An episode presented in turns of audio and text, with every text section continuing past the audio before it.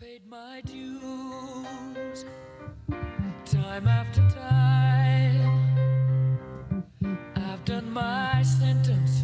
Þið eru að hlusta á færimöndaspjallið í bóði CBD Reykjavík, tækjaflutningar Norðurlands og Röp 23.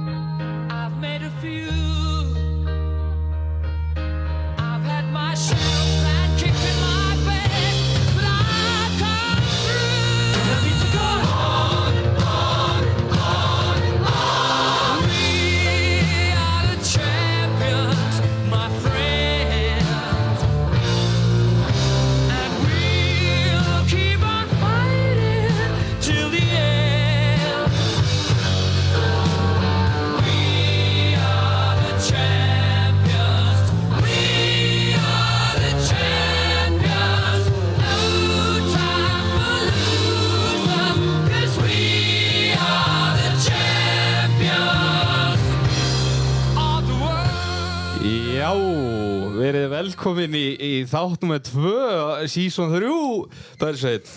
Já, Ha, það er, já, það er gestur, það er gestaþáttur. e, já, það er gestur. Það er þannig, það er hefi hitter núna. Það er engin annar en aðtanamadurinn, uh, gröfu verktakinn, bóndinn og baðvörðurinn, Finnur Aðalbjörnsson. Verður hjartalega velkomin í stúdíó. Já, takk, takk strákar. Já, hva, hvernig líst þér á þetta hjá okkur þetta? Já, þættirnir er allan að góðir, allan að fram að þessum. Já, ok, það er geggjað. Herðu, já, sko, Finnur Við hérna, við erum með svona smá leinu uppskrift sem við byrjum alltaf á og, og það er bara, við hittum upp með að segja, beðið um að lýsa eins bara svona þínum ferli og sleða eigu og hvað þú áttir og, og hva, hvað gekk á svona í, í gegnum tíðina hjá þér.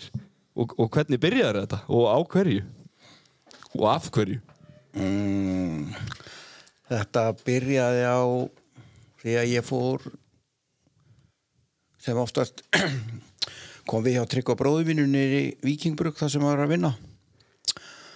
Þá var hann að segja mér það að það var í komin sko nýr tímamótasleiði frá Artikat sko. Já, 88 villiköttur sko. það ætti engin sjens sko og ég yrði bara að fá mér svona sleða sko. Þetta væri þetta væri þetta væri mesti killer sem hefur verið framleitur Já, skuggaleg græja.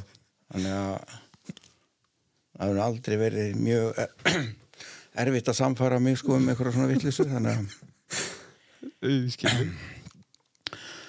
þannig að þessi sleiði var bara pantaður sko og kom þarna einhvern tjánum miðan vettur Auðvitað. Og hann hefur verið killer, eða ekki, eins og þessi vælkattar eru nú fræði fyrir. Og var þetta 6 og 50 eða? þetta er 6 og 50 sko. Svaðaleg sleggjaða maður þannig að og, og, og fóru menn í æfingar menn fór í æfingar að því að það var mývatn ég var að fara á fyrsta skipti þess að ákvaða að fara á mývatn að því maður var búin að horfa á þetta og hérna dreymum að komast þarna þannig að maður fór þarna fór að æfa sig eitthvað og Hvað var keft í þá? Var, voru spinnur og, og samhleðabrautir eða? það var spilna og ah. fjallarar Hverjir voru hetjunar á undan þessu svona, þegar, þegar þið eru að koma? yngvar Gretas var þarna var þarna bara höfuð og herðar yfir alla Ah. og hérna já svo voru þeir hérna Jóningi Kálskinni og Já, auðvitað alls konar Ah. Alls konar lappar. Og þú hefur mætt hann á 6 og 50 villiketti til, a, til að sína um hver ræður já, já, já, og hvernig fól. Já. Að ég var allavega Íslandsmeistar í hérna spinnu. Nó, þá var sko spinnukeppni var sko það sem allt snýrist um. Já, Já. á þessum tíma sko. Og svo var hérna brautakeppni. Ég, ég held ég hafi komist fjögur hlið sko Það á granirnar? já, Helvítis vælkattar. Já, trilltur maður. Já, þetta er sennilega mesti viðbjóður sem hefur verið framleitur Já, menn fara nú ekki fögrum orðum um það er svona svolítið einróma yfir hvað þeir hafa verið þarna. Já, ég sá nú eitthvað vídeo um daginn frá Ólasfyrði einhvern tíma fyrir lungu síðan og menn voru á þessum ófriskum sko. Þeir flugur nú bara af og mista af sér stígvilinn og það var allt að það á Ingólfur Höskustöðum, hann, við fengum sko sitt kvott Já, og þetta var ja, strákar, þetta var svo hryllilegt sko. Og svo voru þeir sko Polaris kallarnir sko, þeir voru að ná Indy 6 og 50 sko. Mm. það var bara eins og þeir voru að keira sko einhvern limosíu. En það, þú veist, það var ekki þetta að bera þetta saman þú veist. en þú veist en að, það, það voru bara, það var svo mikið kattar sem sagt það var svo mikið kattarugl í minni fjölskyldu að það bara, þú veist menn voru bara að tala þér inn og þetta væri best sko. Já, ég skil. Já, já. Þú, og þú, yngvar, þú þekkir þetta. Já, en það er svona aðeins mitt það En það kemur alltaf niður á því sama sko að þetta er best. Ja, þetta var ekki best þá. Ég get alveg lofa ykkur því En sko. hann hefur samt virka ágætlega Fyrst að þú varst Íslandsmeistar í svitna á þessu já, skilju já, þetta var alveg þú veist, Hann er sprækur já, já, hann var helviti ma- og þú veist, þá keftu menn bara á lopapeysur skilur Já. og nýrnabelti skilur og það voru ekki geðu töff sko. Sýnt Og voruð þið að hérna, voruð þið eitthvað að tjú- tjúna og þú veist og trygg, Tryggvi bróðin Já, já, komin hann nón í hútið og Það var verið að tjúna alltaf, maður fóð með reymarnar í sturtu með sér um kvöldið og þóðið er upp úr sjampói og þú veist þetta var Aha, eða það svolítið það er geðvikt Nei, grínlaust, við fórum með reymarnar í sturtu með okkur. Og fundiði mun? Já, Aha, já. Hann allan var Íslandsmeist já það er þannig. Eitthvað. Hinnir hafa glemt að fara með til styrst Já, það er þannig. Þær hafa bara verið krumpaðar og vondar. Já, djúvel, þetta er geggjað. Já, ég, það er að fyllt þetta, þetta var, nú- þetta var nú bara eitt mót á ári. Þetta var sko Já, mjögsmóti, var það eina? Já, eina móti Hvað er þetta gamall hann? Ég er 20 og, hvað, tveggja eitthvað svo liðs Já. Ok Já, eða 21 eða tveggja Já, ok og hérna og svo var náttúrulega svo, svo, svo kláraðist þessi vetur bara og þú veist og við náttúrulega þú veist vingólur kerðum já ég veit ekki hvað mikið þú veist við vorum á þessu alla daga öll kvöld og þú veist inn á Gassádal og þú veist út um alla trissur þú veist Já, já og hérna svo kom sko næsta ára á eftir þú veist þá kom 89 villikottur sko. Já, og þá átti hann að vera alveg, þú veist, hann var 700 kúpi sko. Já, sælir.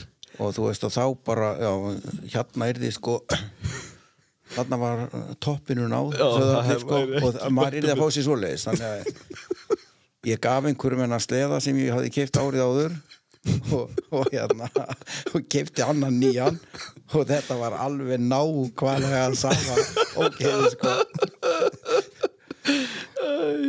Og hérna ég, já ég komst, ég komst fimm port Já í þe það árið.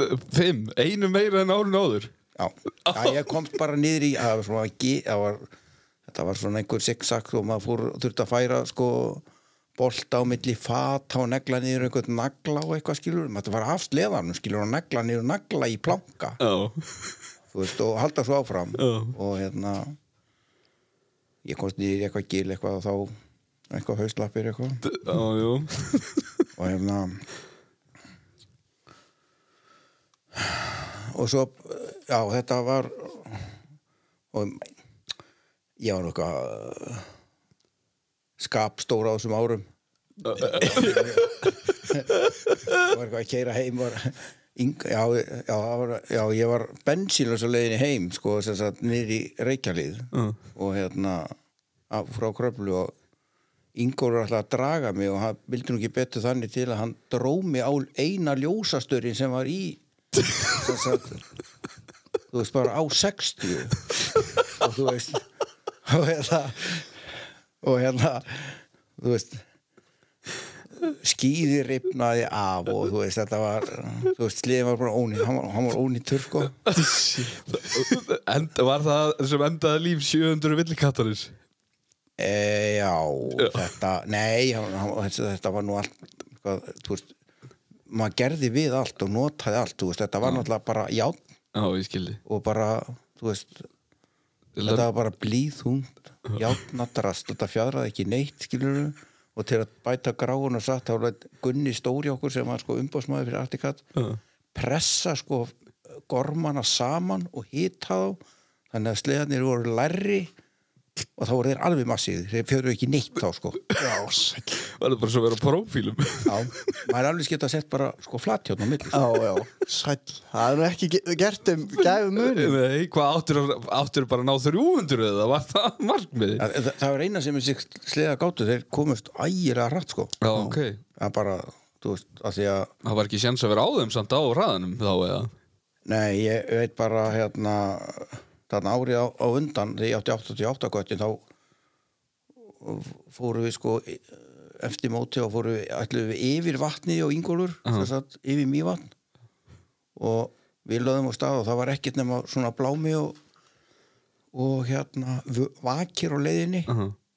og við sáum bara ljóstýruna þú veist, hinum veginn það sem hóteli var. Og það er algjörn myndi að við komist yfir sko. Já, þú veist þetta var, þetta var sko eitthvað að gera eitthvað bara og hugsa ekki neitt sko. Þetta var í fyrst á einu skipti sem þú gerði það ekki. Það er ekki ekki en þetta sko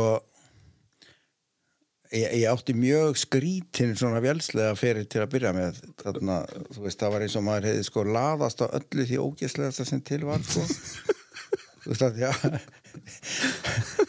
Svo tók, tók þetta enda þetta villikattar þessi villisa sko og, og ég hérna fór sem sagt uh, fekk sem sagt Yamaha Vaff Max fjóra ári setna þarna Fjara síldra kveikindi já, já, sko það er einhvern tíðan, hvað allir að það ekki 90 Já. annarkvæmt 90 eða 91 jú, sannlega 90 Já. Og þetta var, það var sama þetta var algjör eldflög sko. Já. en þú veist, það var náttúrulega 300 kíló sko, veist, og, og við vorum að keira þetta í samlega Menn eru nú reyndar að leita þess út um allt í dag sko. Fjara síldra kveikindi Það er sennilega ekki til að keppa á. Það var Nei. góða minningar. Og ég, ég fekk þennan sleða sem sagt bara endurgjárslaust, fekk bara notan hann bara tvo vettur Nú, ok, kekk frá, frá umbóðinu og hérna uh, ég held að Tryggvi hafi eitthvað tókaði einhverja spotta hérna Já. Ísleifur sem sá um þetta á sínum tíma hann var náttúrulega alltaf fullur skilur þú veist og ég held að þetta hefði verið samið um þetta að einhverju fyllir í mjög sko. Já, en þeim er grunlega litist á því Já. og getur er já, þannig. já, þú veist, hann vantaði nú ekki vilja sko. Nei. Þannig að við keftum hérna á þessu í grastrakki til dæmis hérna fram á Hrafnagili Já, Va Var aðeins bara að lifna yfir þessu þá svona, Já, já, Komna það- fleiri það- keppnir á ári og svona. Já, þá var sko þá var hérna í janúar þá var ekki búið að snjóa neitt. Nei. Nei. þá var nú menn alveg hérna trilltir skil vildu fara að halda sko sleðaspinnu þannig við fengum lánað tún hjá Ben og Hrafnagili. Og ég held að hafi verið sko 60 eða 80 sleðar sem kom að spilna á grassi Já, Það er geðu. Það er alveg randi í því Það er bara hefni og hann kemur eitt sleði í þessar sannspilnum sem eru núna, sko. Já, það er ekki, það er þannig sko það er ekki sótt mikið í þetta. Nei, menn er ekki mjög heitir fyrir Já, því þú veist, það voru bara, þú veist gamlir kallar bara að spilna skilur, þú veist, bara svo ég er í dag það bara millir 50 og 60 þeir voru bara þarna alls hælir skilur Já, að, Það er eiginlega að læna upp á móti vinni sinu já, negla græða. Það er þannig Var, var, var Vaffmaxin skuggalegur þar? Já, hann var mjög flótur, það átti engin breyk sko. Nei, það er svoleiðis. Nei, hann var alveg, þetta var þetta var helviti mikið takk í svo Já, ég skal trúa því, það er svolítið spes hljóð í þessu. Fólk er svona, er það að gana þessu. Það er á YouTube að Vaffmax 4 sko. Það er að sílundra kvíkindi Þetta er sérstakt. Já, það er þannig. Þannig að, já, ég já, svo, ég þessi svo, svo, þetta fór nú að lagast eftir þetta. Ég eignaðist svo SP5 Já, sem sagt þarna árið þar og eftir. Já, og bara kefti á henni veist, bara gekk mér mjög vel sko. Já. Og hérna ég smakkaði nú ekki áfengi á þessum tíma eða neitt, það var nú kannski annað heldur en hinir sem ég var að keppa við því að maður var nú ekki alltaf bestur sko. Nei en maður var kannski bestur þennan daginn af því að Já. þeir voru náttúrulega svo timbraðir af því að þetta var náttúrulega bara já, Já, þetta voru, maður hefur það svona var því. alveg skrautlegt sko. Já, menn hafa verið aðeins blöytir já, menn var aðeins að aðeins timbraðir sko. Já, svolítið vondu standi. Já. Ekki gott dagsform sem gerir þig að framúrskarandi íþróttamanni á þessum tíma. Það er þannig, þú ert framúrstefnulegt þarna og vera ekkit í vínunni sko. Nei, Það er Bara eins og allir töffarnir í dag. Já, þetta var alveg, þú veist maður svona átti smá fórskot þannig að- Það er Já, þessi SP hefur nú verið leiki í höndunum það með hérna já, já, þetta var alveg þetta var náttúrulega bara frábær slið á þessum tíma sko. Já, og hérna við fórum sko svo ég man nú ekki alveg röðin á þessu nei ég, ég 93 þá kaup ég sem sagt sleðan af Tomma heitinum hann átti svona Pro 5 Já, 650 Já, blöndi bara með aðeins um að staldra við þar hvernig, hvernig var svo eigandaferill? Var það ekki eitthvað svolítið skrautlegt? Jó, eða? það er geggjaður sko. Fyrst, fyrsta einu hálfur eða fyrsta eina hálfi eða nærði tvö ári bilaði hann bara ekki neitt sko. ekkert. Og þetta er eiginlega farsalæsti uh, farsalæsta árið mitt sem sagt. Þú veist ég, ég, ég held ég hef ekki tapað einu einasta móti eða einustu ferð sko eða einu á þessum sleða. Já, það er svoleiðis, var þetta þá bara eini sem að var svona prófæft tjúnaður? Já, þetta var bara eini, hann, kallinn fekk þetta í einhverja, það var einhver ammælistýpa eitthvað skilur, hann kom með portuðum hettum og, Já, eða portuðum sílundur segi og blönuðum hettum og það er þetta að keira hana og þú veist, Einhver- ma- einhver, maður þurfti alltaf að sitta eitthvað óttambúst í Já. tankinn skilur og, og hérna og í- svo var maður búin að lesa eða var að grúska í alls konar einhvern blöðum frá Ameríku og eitthvað og ég, ég reyf úr þessu mótorin og leitt smíða nýja mótorfestingar í sleðan og færði mótorin niður um tvær tommur skilur til að fá þingdapunkti niður Já, það er alvöru tjún þetta er sko 93 sko. Já, hæll og þú veist að maskara hann á húttinu og öllu skilur og hafa búið að lækka allt og Já, þú veist, klipp úr sætinu og, þú veist, þannig að þetta var, þetta var bara þetta er 650, þryggja sílindra, það ekki? Já. Já. en svo þarna 93, já ég, ég vann eiginlega, ég, ég vann allt þetta ár sem sagt bæði sem sagt fjallaralið og allar keppnirnar sem ég kefti í þetta ár. Og fór í sandinn og í götumíl spinnuna Götuspindu, götuspinnu var það líka? á, á sleðanum sko. ég vann bæði göttuspinnuna á sleðanum sem sagt það var skipt hérna á tryggabrautinu um sleðum sko, já. Á, með dekk á framann og, Æ, ok. Og svo var ég á göttuhjólunum líka. Þú veist, þetta, þetta, þetta var alveg þetta er svona besta árið sem ég átti. Já sem, sem svona keppandi. Já, það, Ég- og, og hérna og fór svo í framhalda því sem sagt fyrstur á sand. Við fórum sex til Úmjó á Evrópumestaramótið Já. Gunni saði Gunni örgleika frá því Já, sko. hann myndist á það en hann, hann svona stikla á stóru þú er að fara aðeins út í þetta. Þannig að við áttum sem sagt að fara sko fimm út að keppa. Já. og við fórum bara með gallan með okkur allt þarna út. Og svo komum við út þarna og það var náttúrulega við gáttum fengið eitt sleða Ó. já, og, og hérna ég fekk að fara sem sagt Gunnar heimtaði það sko að þú veist að ég færi og hérna og við vorum sem sagt settir við vorum náttúrulega ekki með neinn stig til einhverja Evrópumeistara en eitt og Nei. hérna voru náttúrulega bara einhverja atvinnumenn og jú Tony Hækonin og hvað er hétun og allir, þú veist Já.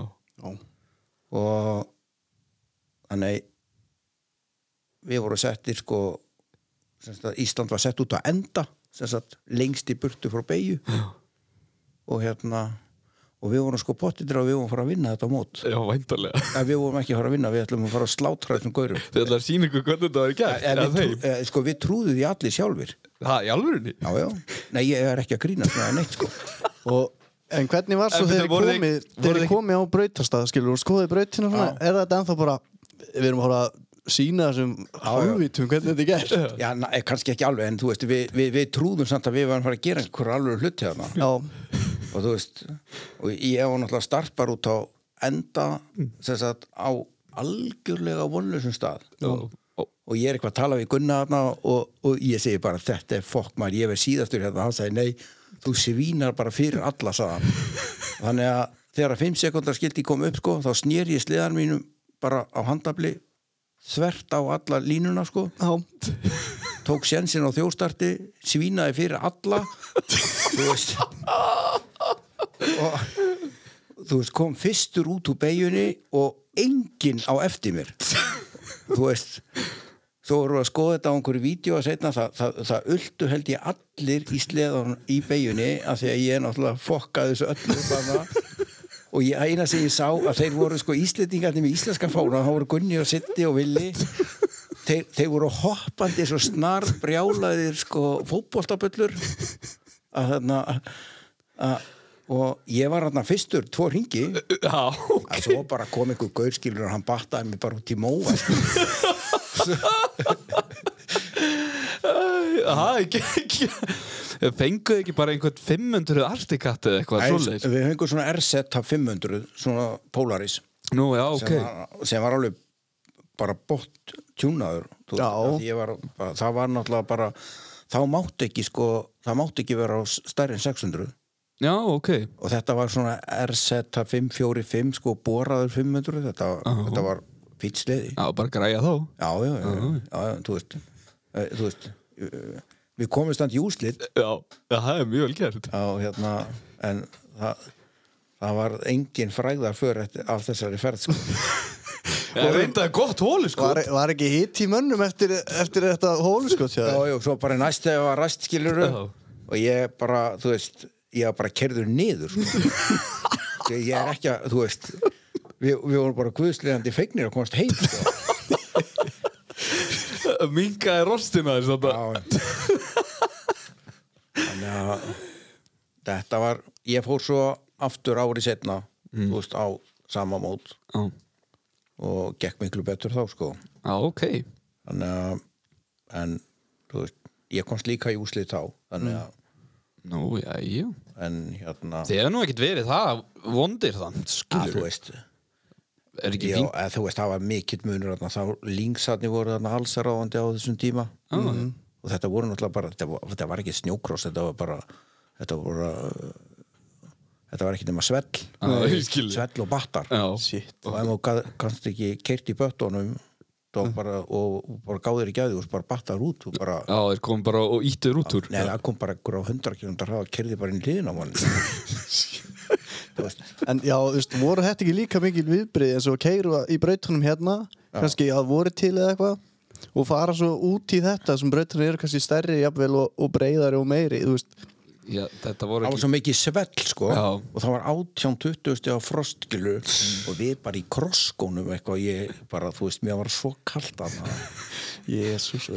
þetta var, þetta var svakalegt. Já, það er vel hart að fara aftur það árið já, setna ég er með ykkur. Sama stað. Já, já, þá, ég fór eitt þá sko bara með kitta í hákaþjónustunni sem sagt árið setna ég held að strákattir hafa ekki langað að fara með mér aftur sko en þeir fóru svo aðna setna þú veist, þeir fóru Vili Siggi Gilva og, mm. og einhverjur og þeir gerðu bara, bara ágættar hluti þú, þeir voru, eða þannig. Þeir voru ekki að vera að berjast um einhver sæti sko. Nei, bara eins og þetta hefur verið þegar að menna að fara út sumir hafa ekki eins og komist í, í veist, áfram sko. Þannig að þetta er mjög vel gert með það sko Já, og, það er og vera frá Íslandi á þessum tíma með þú veist, mjög limiteraðan aðgang að öllu sem að hinnir hafa sko. Já. Ég var náttúrulega var rosa vel þjálfar á þessum tíma þannig að þetta ár þannig á undan sem sagt, veist, þetta var bara lífið. Já, já.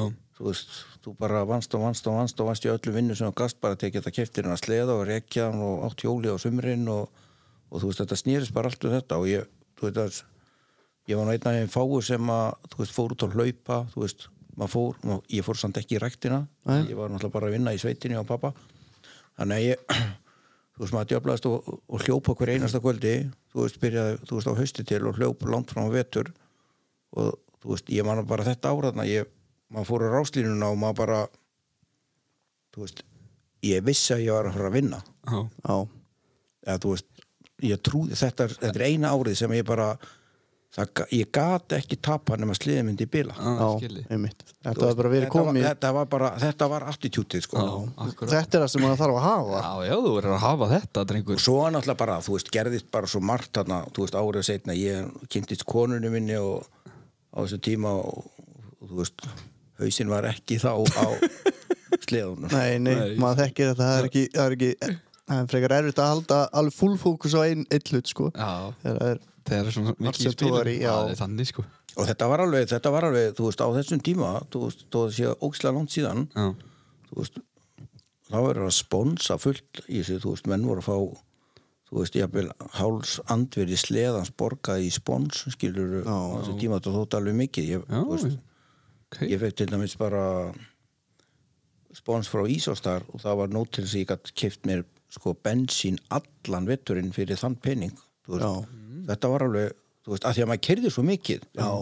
þú veist, þá horfum ég á þessa stráka í dag Já. ykkur og fleiri sem að, þú veist þið er alltaf að elda hvern annan í einhverju braut sko. Já, þú veist, það var ekkert svoleiðis. Nei, nei maður fór bara inn á dal, þú veist og bara, Já, helst í botni einhvers staðar og Já, það beygir. veist, það var bara þrautakongur og það var bara, þú veist, þetta var allt öðru vísi. Já. já, veist, við, við höfðum ekkert, þú veist, það var engin tróðar eða neitt, Nei, eða nei. neitt, sko. Það var bara að fara að reki niður einhverja steikur og, já, einmitt. Það er eins og eða, eða, eða, eða girðingarnar notaður sem stóðu upp úr, sko. Ég hefði viljað koma með ykkur þarna Já, á ég- þessum tíma Æ, maður. Þetta er glæður geðveikt En já, maður. Þetta er samt ekkit, þú veist, að þegar þú lýsir þessu Þetta er ekkit rosalega ósvipað viðhorf eins og margir hafa hérna í dagorði, sko. Ég held bara að þetta væri, hefði ekki verið svona í, á þessum árum, skilur Nei, eins og mér við alla sögurnar þá, þá eru svona eins og eins og þú segir, þú varst einn af mjög fáum sem að æfðir þig að einhverju viti. Já, á þessum tíma, þegar ég komst á ammeilegan sleða og þú veist og, þú veist, og svo var þetta að byrja, þú veist þarna þættirnir á bygga bara, þú veist, í sjám og þú veist, en ég misti svolítið af þeim árum, af því að ég var alltaf prólaus á veturnar. Nú, Já, ég var, var eitthvað aukurskiptinni tóldi eitthvað illa í hérna hjá mér. Og það brakst ekki ég var sviftur yfirleitt þú veist, mánuði sem að keppninu voru að byrja það fóru alveg tvö svoleiðs ár. Það er það svolítið bara satt á skaplinu og horfði á hérna það var geðveikt eða þannig. Anskotin maður. Það hefur einhver verið að borga fyrir þetta. Það er að græja að finna þetta mánuð fyrir mót Ah. Og varstu þá búin að vera að æfa á fullu og varst Já, já. tilbúin og svo Já, bara já. aðeins að speed í og, og prófið farið? Já, en það var, það, það var ekki svo þú veist, þetta var bara allt einhver hraðasektir og eitthvað þetta, var bara allt eitthvað svona. Já. Eða bara, já, kannski svona me- mestar af Magnís allana það er bara allt í bótt Já, það er þannig. En, já, já, förum aftur í prófæðin samt. Þú veist, þú, þú keirir þarna þín bestu ár á honum og hvað tók svo við þannig? Svo hérna Svo byrjaði það að bila. Já, akkurat. Og enginn vissi út af hverju. Nei, Það bara allt í einu bara fór stimpilskiluru og allt í mask. Já, Það var bara skiptum það og eitthvað að fara að laga þetta eitthvað og svo bara, þú veist, hann, hann, hann var aldrei í lagi. Nei. Ég, ég man bara þegar ég fór að borga í Tóma Eithors Já, sem sagt eftir einn veturinn síðasta veturinn sem ég áttan já. 44 stimpla. Já. Er þetta ekki að grínast? þá það kemur svo upp úr kafinu þarna löngu setna að Sveifarósin hafði snúist upp á Sveifarósin Ah. og það vissi náttúrulega ekki hvað það var á þessum tíma Nei, sko. þetta var bara alltaf sett saman skilur og maður var bara með tvo í stimpla í skottin ef maður fór í túr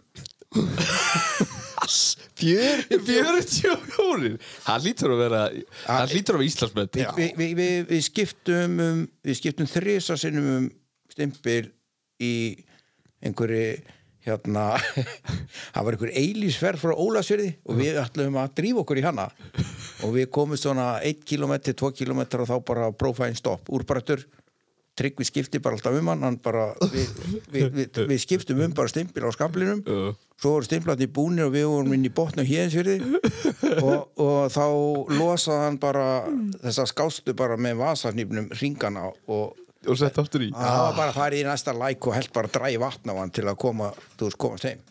Það er gott að tryggva bróðið með sér og, sko, trösta vasanýfin það er svoleiðis. Eh, sko, eftir þessa ferð þá hann var aldrei kerður meir. Nei, Nú? nei, ég seldi hann svo. Þú- Já, já, þú seldir hann, já, En hvað, var, var hann hent svo eða hvað gerði? nei, ég, þú veist nei, hann, hann var ekki hent sko. Nei.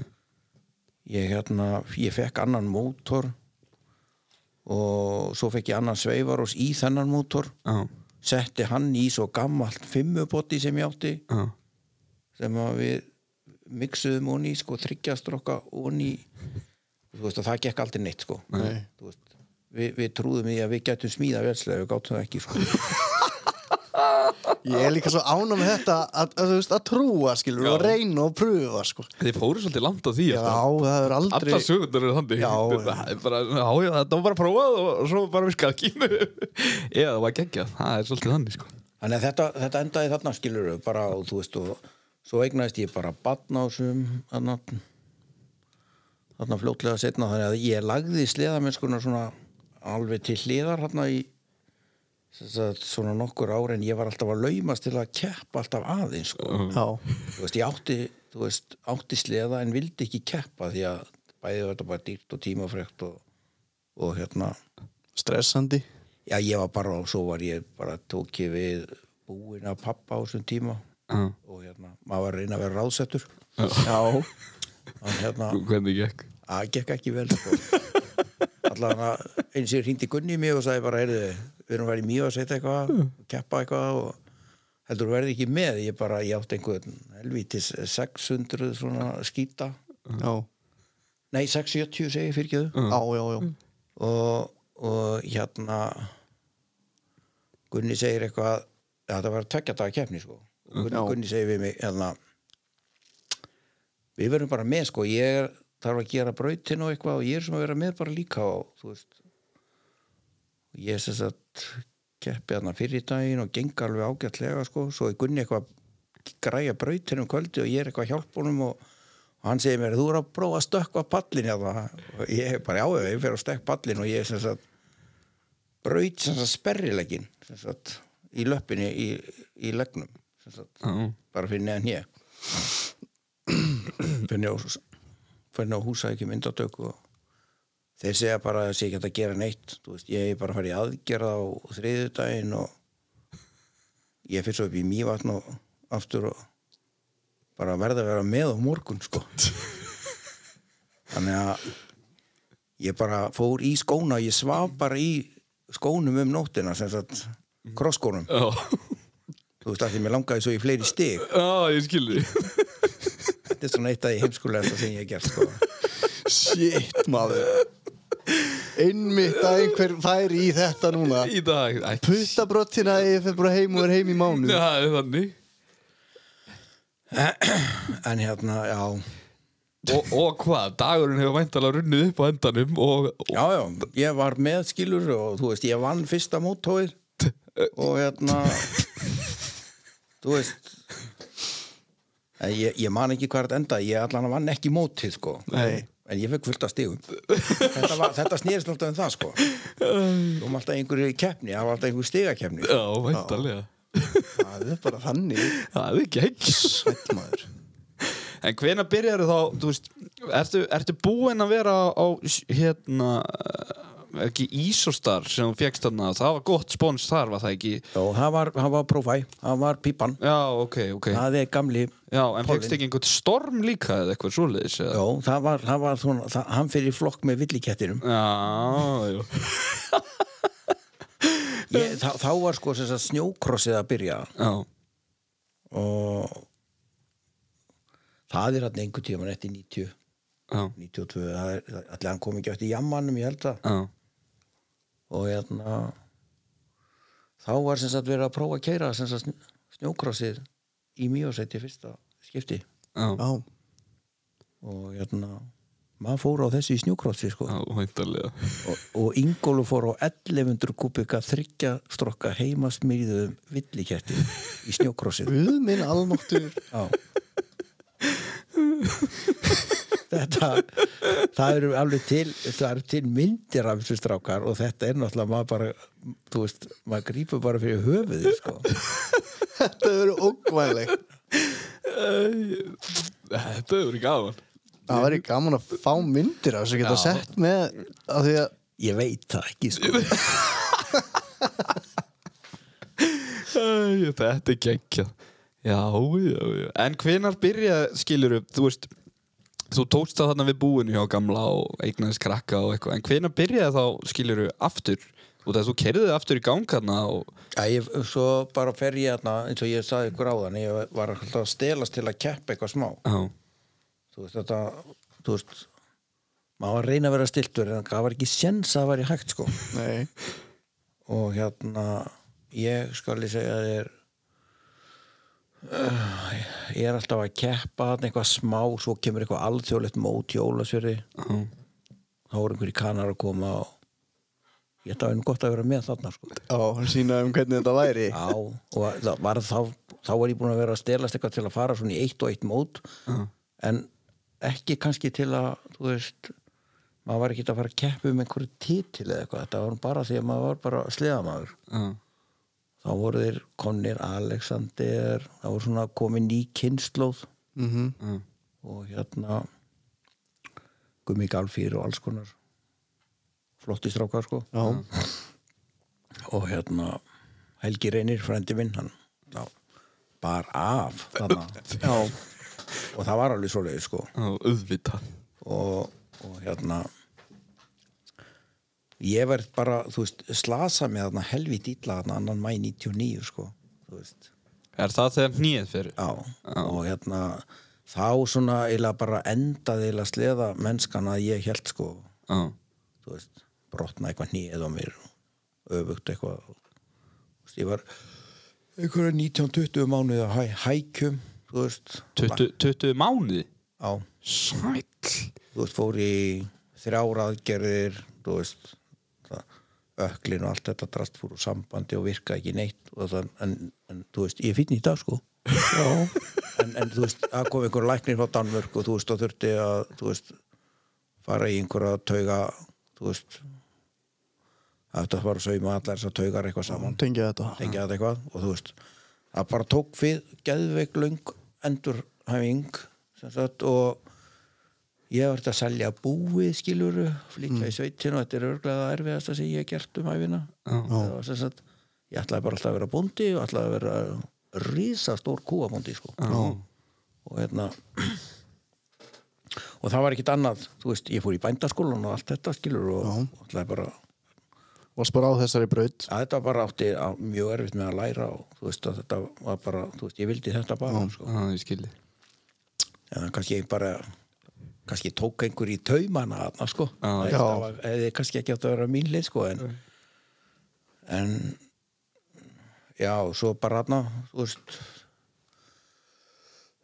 2006 fæ ég svo M8 Já, það er bara næst. Já. 99 til 2006 Já. Það er bara pása. Að passa Það er svoleiðis. Já, ég var færtugur 2006 Já, og kona mín gaf mér þennan sleða í ammæliskeiðu ég var færtugur Aha. og ég bara hún Halla já, og að því að hún vissi alveg að ég var alveg sleðamæður ég, ég ætlaði bara aldrei að keira sleða meir. Já, og strákarnir í vinnunni þá var ég nýbúin að bara stopna Finni HF og þeir sem sagt keiftu handa með snjóflóðailu snjóflóðabakboka, galla. Já. Þannig að þetta beið bara eftir mér á vetrar íþróttasýning nei hérna vetrarsýningunni þegar hún var þá beið bara sleðin og gallin og allt dótti eftir mér þannig að þetta var alveg Sæll. Þannig að þá dreif ég mig sem sagt í þessa að verða svona fjalla Fjallageit? Fjallageit Já. Og Með sem, sem, sem ég var alltaf sko Já. þú veist, ég var alltaf bara svona útivistaslega maður Já, já, og hérna En það hefur nú verið litlar stökki. Hvað varst á skítu þarna 99 eða hvernig já, var? skító, Já, 6 og 70 og svo beint í hvað M8 2006 já, Já. það er nú verið svolítið svona breyting á Já, þetta var þú veist, og þessir emsliðar sem voru að koma á þessum tíma Já. loksins, sko þú veist, loksins gatt kötturinn smíða sleða, það var þarna þegar emsliðinni komu, þetta var náttúrulega algjör hryllingur þarna fram að því sko. Já, og það veit það allir líka þeir sem eru artikatt menn sko. Já, það var er alveg rétt hjá þér. Þessi kingkattar og þetta dót allt sem kom miklu breyðara sko, þetta breytti bara leiknum. Þessi, þessi sleðar sem komu um 2006 5, M7 Já. Þannig að ég átti hann í tvö ár sagt og fæ mér svo sem sagt M1000 þarna 2008 Já. einmitt og, Þúsundkallinn. já, Já. og ég kerði hann aldrei neitt. Nú, hann var tekinn nýr, hann fór nýri bíl til tryggva. Og það var sett í hann haustór turbina þetta var pantað frá punkt okkar. Já, og ég var búinn að fá þetta allt áður en að sliðin kom. Ok. Þannig að ég kerði sliðan aldrei orginal. Þannig að þetta var fyrsti turbosliðin, túrstróksliðin sem það var sett í Íslandi og þetta var bara rétt byrjað á þessu í Ameríku. Það er svolítið og í þúsund mótor í þúsund og þeir voru bara að gera þetta hann árið og undan og voru búin að setja þetta með, og áttu ég bölvuð basli, basli með þetta en ég varði náttúrulega að fara í þetta sko. Já, væntanlega. Beint í bótt Já, það er þannig. Í efstuðluna, það er svolítið þetta var alveg svona smá brekka til að fyrsta með það var bara, þú veist það var, uh, þú veist talvan tala ekki sama við þetta eitthvað og þetta var, þú veist, þetta var Vesen. þetta var vesen. Já, það voru nokkra úrbrastlur og þú veist og svo bara fór þetta ganga. Var þetta reiskastliða? já, Já. Ég var mitt, við gerðum nú smá heimaðun og við fó- fórum í þannig þátt og, og hérna, hann Addi frændiðinn, Addi Tryggva hann vildi fá að vita hvað það hefði kostað þessi þúsundkall svona allt í allt. Hann kostaði ógeðslega mikið. Eða, þetta, þetta, þetta ævintýri Já. þess að þetta fór að þú veist það fóru bara allir mínir peningar þeir fóru bara í þetta. Þú veist og þú veist og ég Þú varst orðin jafn veikur og 90 eitthvað þarna bara. Já. Já. og þú veist og ég var ekki og hef aldrei verið sko lálaunamaður Nei. þess að veist ég hef alltaf vunnið bara freka mikið og bara þú veist sem sagt aflað vel en alveg eitt vel. Og það, það gerðist þarna sko. Þannig að þessi sleði allavega ég á hann ennþá dag í dag. Já. Hann er upp í hillu mm. niður á vestæði hjá mér. Já. Hann, ver, hann fer með mér í gröfina. Já. Og hann dettur í gang. Já, en þetta í dag. Og hérna, ég set hann í gang einu sinni ári. Þú voru að ringja okkur. Og hann er eins og nýr. Er þú veist, það bara sér ekki á honum. Nei. Hann hefur bara einu sinni lendi í einhverju svona remmingum, það er þegar Gulli var að draga mig heim. Og hann dró mig fram af hlýðafjallinu fyrir ofan lifturnar Já, fram að bara. Já, hann, hann, við vorum sko semst að fara heim og Var hann eitthvað að flýta sér? Nei, ég, ég, þú veist, ég sleit drifkeðuna upp, bara upp á kistu. Og Gulli segi, ég dregði bara heim. Svo kemur hann bara, þú veist, fram á brún. Og hann bara, þú veist, hann hikkaði ekki augna blik, hann bara, þú veist, bara fór fram af, þú veist, með bara 20 metra spotta. Bara í, svona þá fór bara sliðin hans á fulli ferð niður hlýðin og ég fór bara fram af, þú veist, bara á 40 þú veist, ég bara veist, ég held ég væri að fara í fallífastökk, sko, þú veist. Þú veist, þú veist við, sko, ég og Slef, við, við hröpum hún í miðja Shit. Og svo, svo náttúrulega bara þú veist, þarna niður alla hlýðin og bara niður undir þessi nýja liftanir í dag. Já, þú veist, þá var að, ég, ég var bara þú veist, ég hef nú gjótt því að ég verð brjálað við hann frenda minn, hann Króm, skilur en, þú veist, ég öskraði ég bara spurði hann hvort hann verið í þroska veist. Og, svo, og Gunni var með okkur og Gunni bara, hvað, akkur hoppar ekki af hann hálfviti, þú veist, hoppaði af þú veist, þú veist. Einmitt að maður sé bara, herðu, já, ég farin hérna Herra, Þú, Þú er sérlega ekkert verið mikið betri sko, á 40 í, í Nei, frjálsum falli þarna ekki á honum. Nei, þú veist, nei. En, þú veist, Ég meiti mig ekki þetta neitt. Þetta var fín lending hann eins og þið þekki alveg þegar maður stekkur niður brekku sko. Já. Já, já, já, og, og þetta, þú veist Þetta er náttúrulega bara, þetta er standandi já. Þetta er rosalegur bratti sko þú veist, þú skulli lættist bara fram á og svo náttúrulega bara fór hann á fulla ferð og ég bara, fá. Svo það er 20 metra til að býða eftir því að fljúa Það er enga ymgjöldla rétt hann af eða neitt. Þannig að það fór bara hútið og allt á hann og allt í mask, hann var nefnilega hvítur þegar, þegar ég átt hann sko. Þarna. Mm, Þannig að hann fór á hann svona grænt út bara aftur. Og þú veist, hann er grænt í dag bara eins og hann er. Hann er svakalur þessi sliði. Ef þetta slegin sem þið voru Gastu þú veist Var í lægi að halda honum í botni bara upp öll að brekkur og svoleiði stóð. Var hann Já. farin að virka þannig? Já, en það, en þú veist ég heyrði alltaf, þú veist maður alltaf bara búin að bræður hún svo oft. Já, Já, maður heyrði bara þegar hann var að fara að lína sér út sko, þá tók maður bara 2-3 pumpskiluru Já. þú veist, það var engin, þú veist, eftir að maður lærði bara á hann, þú veist hann hann var ekkit fullkomin í þessum talvan að, þú veist, en en, þú veist, hann spólaði 100 mílu, sko. Mm. Nú, ok. Að bara, þú veist, þú bara þú bótt gafst honum og þú veist bara eftir 5 metra og bara stó mælirinn í bótt að bara 100 mílur. Sæll. Það er alveg hérna, já, þú fóst á þessum sleða austur á land og álpaðist onni onni hérna yfirfalls rör eitthvert, var það ekki? Jó. Það er nú frækt vídeo á YouTube Já, það er eitt frægasta sleðavídeó En þetta sem til er YouTube. langar líka því að það byrjar svona Það kemur einhver kallana á einhverju jammatúrbó Hver er það? Það Hver er, er... er Freyr frændi minn.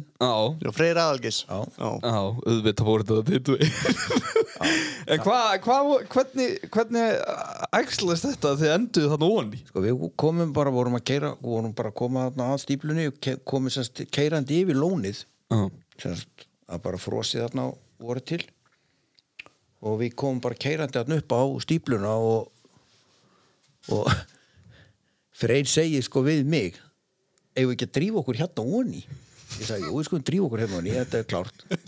Og ég hafði með svona kanon myndavel stóra um hálsin sko sem ég var með í öllum sliðatúrum. Og hérna við förum sem sagt, hann fyrir niður og undan mér og ég og eftir mér og eftir honum og svo hefði ég komið niður að hana, ef það hefði komið maður fer hana, við fórum alveg undir það sem göngubrúin er brúin er yfir sem sagt rennuna. Já, já, þá brá mér svo rosalega þegar ég sá honni hafrakramaglúur að því að þetta voru vorið til og það voru svona hitt úti og ég hugsaði bara ef að snjórin fer úr rennunni núna já, hann hefði getað runni bara niður. þá voru við svo dauðir þannig að ég flýtti mig bara að sleða, snúa sleðanu gæðvitt viðskiluru og svo fer Freyr upp hann semst tilbaka bara aftur já og ég er eitthvað að keira þannig ég var ekki búin að ákveða að fara hann upp sko. Nei. svo er ég eitthvað að keira það og ég sagði bara djöfulli maður, ég get ekki farið upp á sama stað og hann sko. Ég fara þarna til hægri sko. þetta leit svona djöfull vel út sko. Já, með gafi á milli og eitthvað þannig að þú veist maður bara létt vafa sko. Já, Já, það þýtti ekkert annað. Og þetta gekk við. Já, já, já. En maður verður sjálfur rættur við að horfa á þetta sko. Það er þannig. En, en á, á, ég get nú alveg sko, bara sagt ykkur það að þú veist, að horfa á vídjóið Já, gerir þetta sko verra. Já. þetta var miklu betra. Já, eða það? já, í minningunni minni er það það sko. Já, mér fannst þetta ekkert eitthvað ægilegt sko. en, en svo ég horfði á vídjóið og ég, þegar ég sá vídjóið bara nokkru dögum setna eða vikum eða mánuðum já, þá, lítur þetta miklu verra út. En, en þetta er ekki svona slæmt held ég er. Heldur. Ja, ég fór þarna samt í sömar. Og ég myndi ekki fara þarna niður þó er ég miða á mig byssu sko. nei, ég ætla einmitt að segja sko, að er í, er í flestum tilvíkum sem að er myndað eitthvað þá er það minna en það virðist. Já, það lítur út við, það gerist yfir minna. það sem er mynda framan á Já, verður minna Já. en það sem er myndi aftan á verður meira.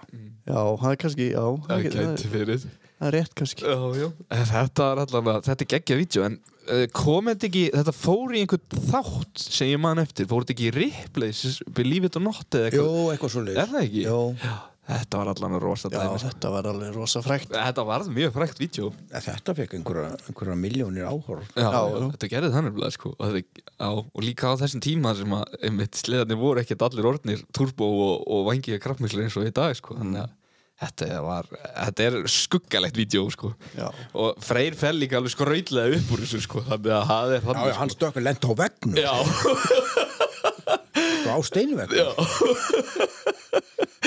Það voru svona gamli taktar eins og þegar þið voru hérna maður sem myndir á okkur sem þið voru bara í því að, að negla upp veggi og hoppa af í loftinu Já, já, það var, það var tíska eitt árið er það svoleiðis? og það var bara því þetta fjadraði náttúrulega ekki neitt sko. Nei, já, vont að lenda Það- þú veist, við, við, við, við vorum eins og inn á Dal í Ógunni þá átti ég sagt ég átti þá SP5 sko, og Gunni átti einhvern ég held að hann hafi átti Jaman Já, á þessum tíma. Og hérna ég er rosa hissa að við liðum hennar daga sko. að það var alltaf ef við fórum eitthvað saman. Mm. það annarkvort stórslasaðist annar okkar eða sleðarnir eruðu ónýtir eða við lentum í lögreglunni eða bara, já eða við vorum hataðir af einhverjum mönnum. Við vorum til dæmis hataðir það voru einhverju það voru einhverju fjölskyldum að ferðast þarna á dalnum og við vorum semst að reyna að eyðilegja einhverju hengju þarna við, einhverju rétt við lampa og ég maður bara, við vorum í sko langstökskeppni þarna, við vorum gáði getið stokki lengra. Og ég ég, ég veit ekki hvort ég sé svona snjókrossstokk í dag sko. Sko en, en lendingin var geðveitt mjúk sko. Og þú veist við bara letum vaða sko því að við vorum í keppni. Já. Og einföld starffræði er sko plus og plus, það gerir mínus sko. Þú veist, ef það er enginn að segja nei, við skulum ekki gera þetta Það held ég að það komið svolítið langt. Það, það ekkert, já. Það er ekki verið mikið bremsað á einhver félugum Nei, að bara alls ekki sko. Bara, veist, og þetta er ennþá svona í dag sko ef við förum í áslega Já, þá bara, þú veist og það er að skemmtilegasta sem ég geri það er að fara með Gunna, vinu mínum áslega af því að ég nenni til dæmis ekki að fara í einhvern 15-20 manna hóp. Þú veist kannski með miklu betri sleðamönnum það er ekki málið sko. Mm. en þú veist, ég er bara alltaf svo hrættur um að komi fyr, eitthvað fyrir þá. Já. en mér er aldrei, þú veist, ég er aldrei hrættur um að koma eitthvað fyrir Gunna eða koma eitthvað fyrir mig af því að þú veist, við erum búin að vera svo lengi saman í þessu. Að hérna, þú veist þú ert orðin vanið því. Og hafi alltaf sloppið úr öllu. Ja, alveg ótrúlega vel. Já, eða þannig, Já. Núna í setni tíð. Já, er ekki þess að segja, þetta er bara, þú veist þetta er svona skemmtilegast að, þú veist, mér er sko skemmtilegast ef ég fer bara einn með honum til dæmis svona dal þú veist, þú veist. Byrjar þá vitleysan aftur? E, já, já, já, já. Þú veist, það er bara þú veist, þú veist eins og Gunni, Gunni sagði sinni við mig og hún búin að gera eitthvað fjandan af með einhverju þraut að gonga eitthvað búin að skera einhverju hlýðar og koma fullt af einhverju snjóflóðum og stað og fannst þetta geðveitt fyndið sko. Og þú veist, og þá sagði Gunni allt í henni heyrðu, ef ekki bara fara heim sko, veist vi, vi, við erum feður bæð, báðir sko. Þann, þú veist. Þannig að Það hefur gengið á ýmsu. Já, já, en svo kemur maður heim og fær geðu eitthvað móral sko Já, já. Já, já, já bara, ó, shit, hvað ég er ruglaður. Nei, eða þá ég hingi Gunnar og sagði fokk, við erum ekki að fara saman aftur á sleða Ég, ég, var eitt ótrúlega gott hérna, það var í fyrra að hitti fyrir að þeir eru farið saman á böggi hérna Já. og eru að skoða var stíin hérna. indislegt vídeo sem Gunni var með þá. Já,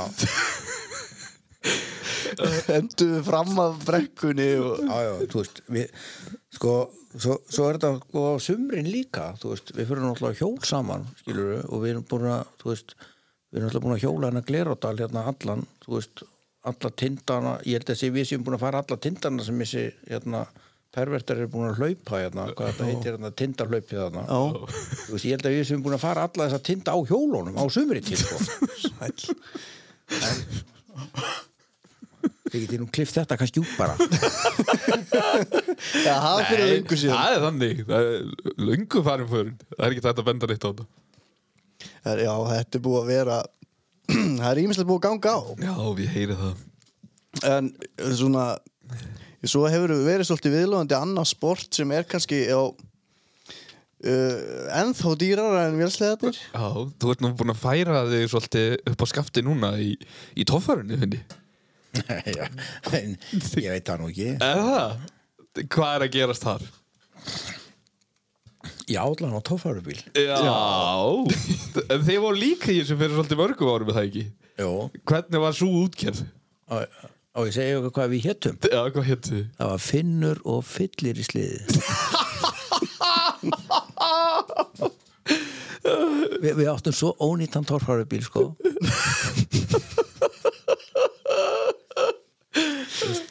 Strákarnir voru sko veist, Við brösum í þessu öll kvöld veist Allar nætur Þú veist, og yfirleitt var þetta ganglust þetta fór upp á kerru eða upp á bíl. Og hérna ég man einu sinni fór á Egilstaði á þessum torfari bíl fræga og hérna það er búið að brotna allt skilur og einu sinni brotnaði aftur ekki undan og það rúlaði eitthvað nýja námi og ég beið eftir að strákvæði ekki að hjálpa mér og, og, og, og þá var einhver að spurja er, er, er, er, er hann ekki er þetta ekki hérna hérna eru þið ekki aðstoflinn hans finns? Nei, við þekkjum hann ekki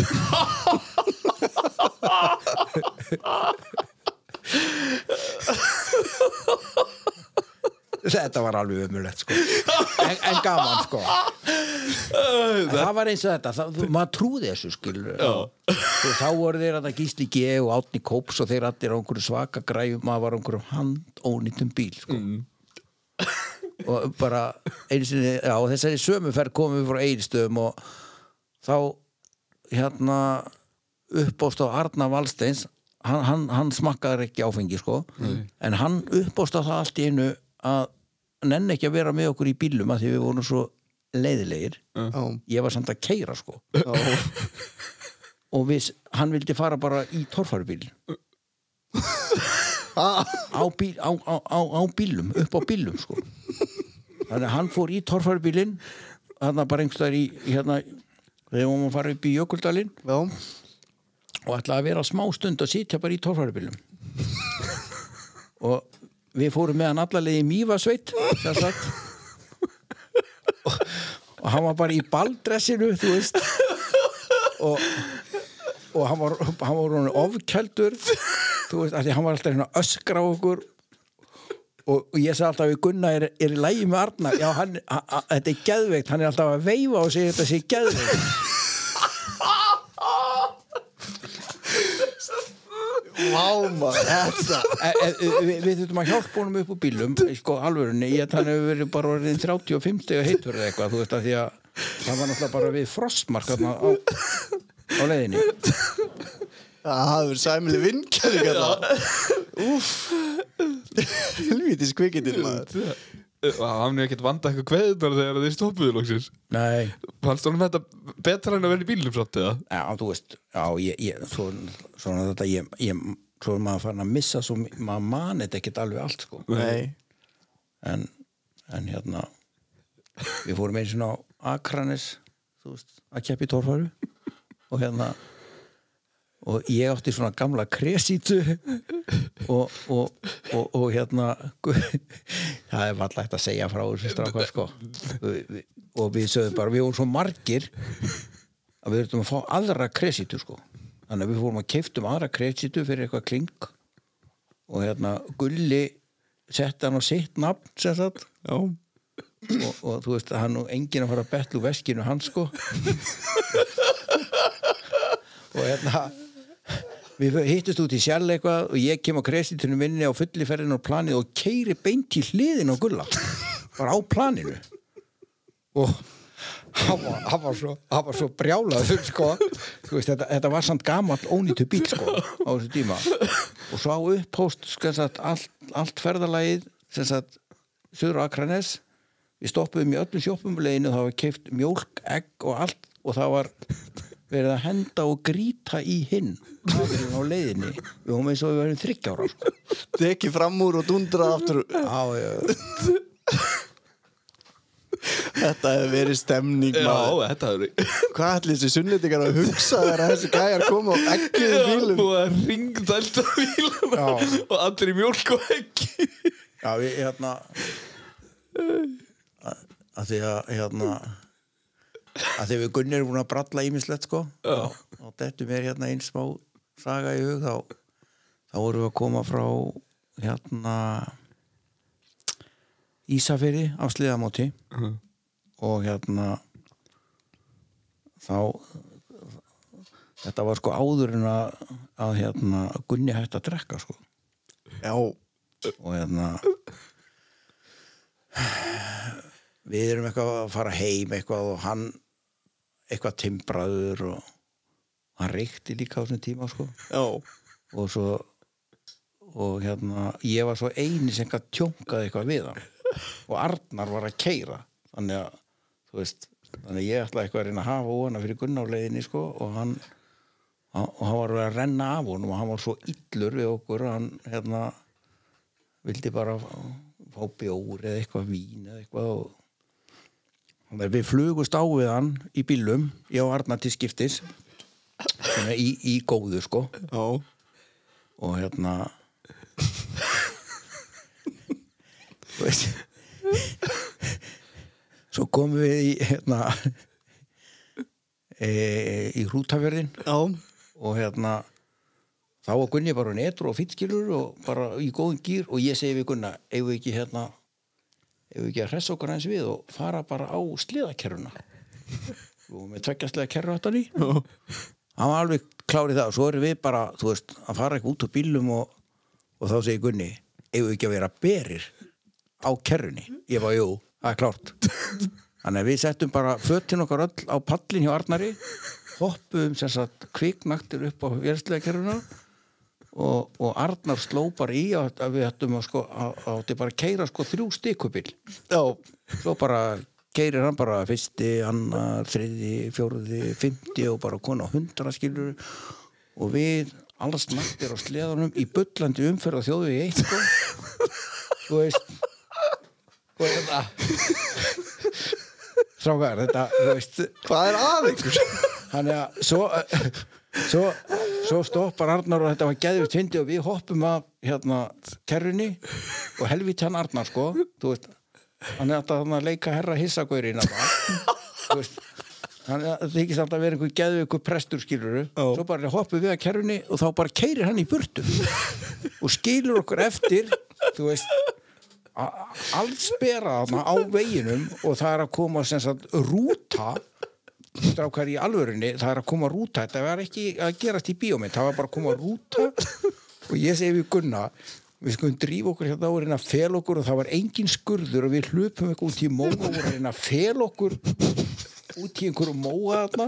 Þá var þetta sko bændaferð úr eigafyrði þá var þetta hreitin og hrísóli og, og, og, og alls konar bændur frá hann fyrir þig og þeir þekktu mig og þú veist og hérna þetta var ömulegt og brútan hálf stoppa eitthvað og það kemur einhver maður út eitthvað fyrir að kalla í okkur eitthvað og við bara eða Haldið áfram. Þetta var alveg þetta var alveg neyðalegt sko. Þetta var alveg bara þú veist. Andskot þetta var ro ro rosa gaman að þannig að því að maður var náttúrulega að vinna í sveitinu og svo og ég að stinga út þarna fram í sveitskilur og þá bara, já, heyrðu, hvað, hvað voru þið að gera? Þarna bara, þú veist, alls berið þarna einhvers staðar og þjóðu við eitt skilur einhverju sleðafræðalagi, þú fannst þetta geðvitt fyndið, sko. Þetta er, Þeir fóruðu til?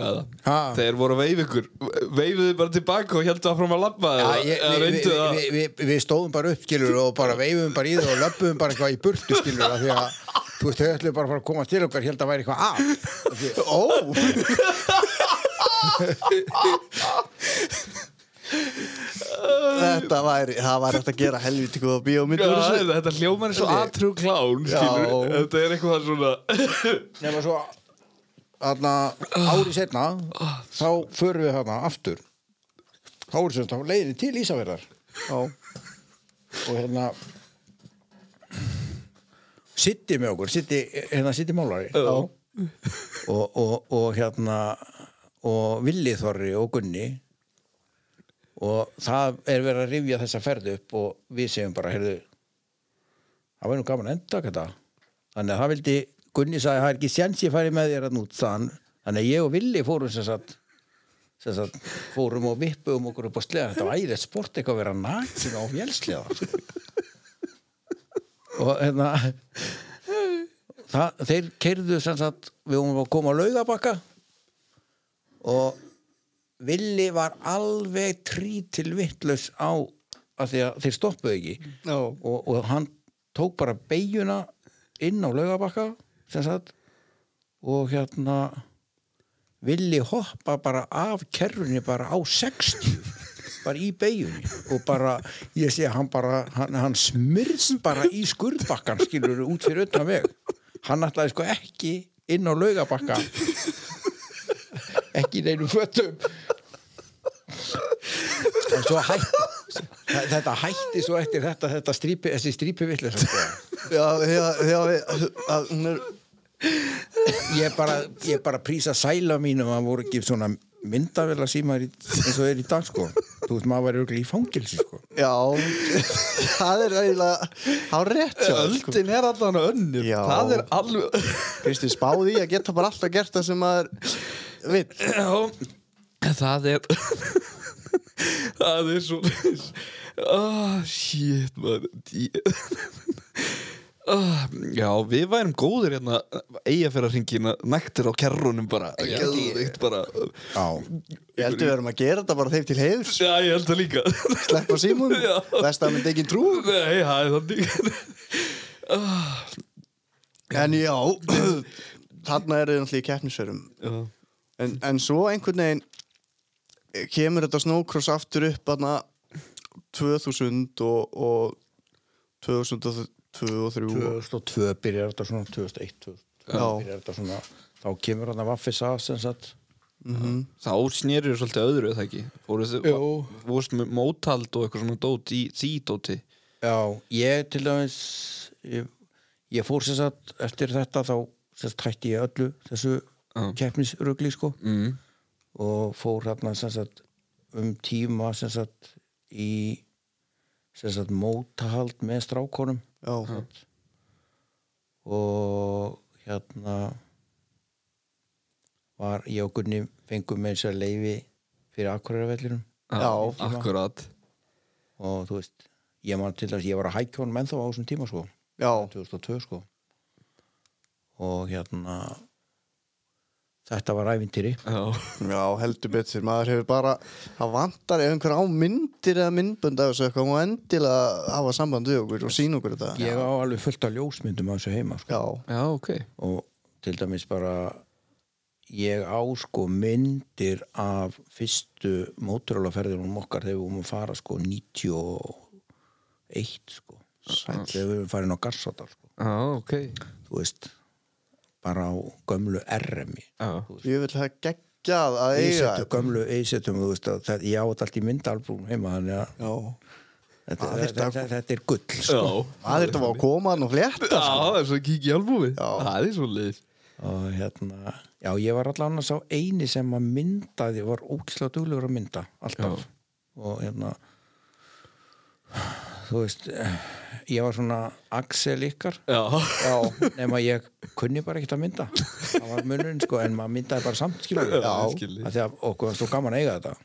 Það, það var alveg gaman. Algjörlega. Það er geggja eigið í dag já, Það er einmitt líka ástæðan eins og við erum í þessu hérna að búa til podcastuna til að eiga þetta upp á framtíðina. Já, já, eiga sögur Geta hlustað aftur á Það er þetta og þannig.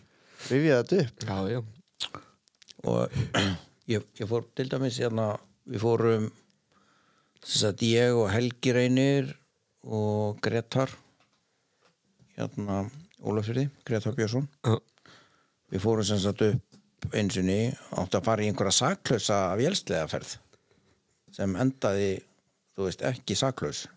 Við fórum sem sagt upp á finnin Mhm.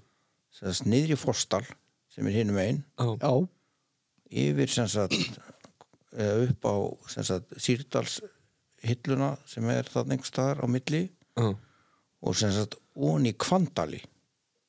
Sem sagt já, sko Kvandalberg er staðista standberg í Evróp held ég í sjófram þannig að við drifum okkur þar fram á þarna við hliðin einhver staðar niður eitthvað skarð og ég hef aldrei á æfinni farið niður svona bratta og langa brekku.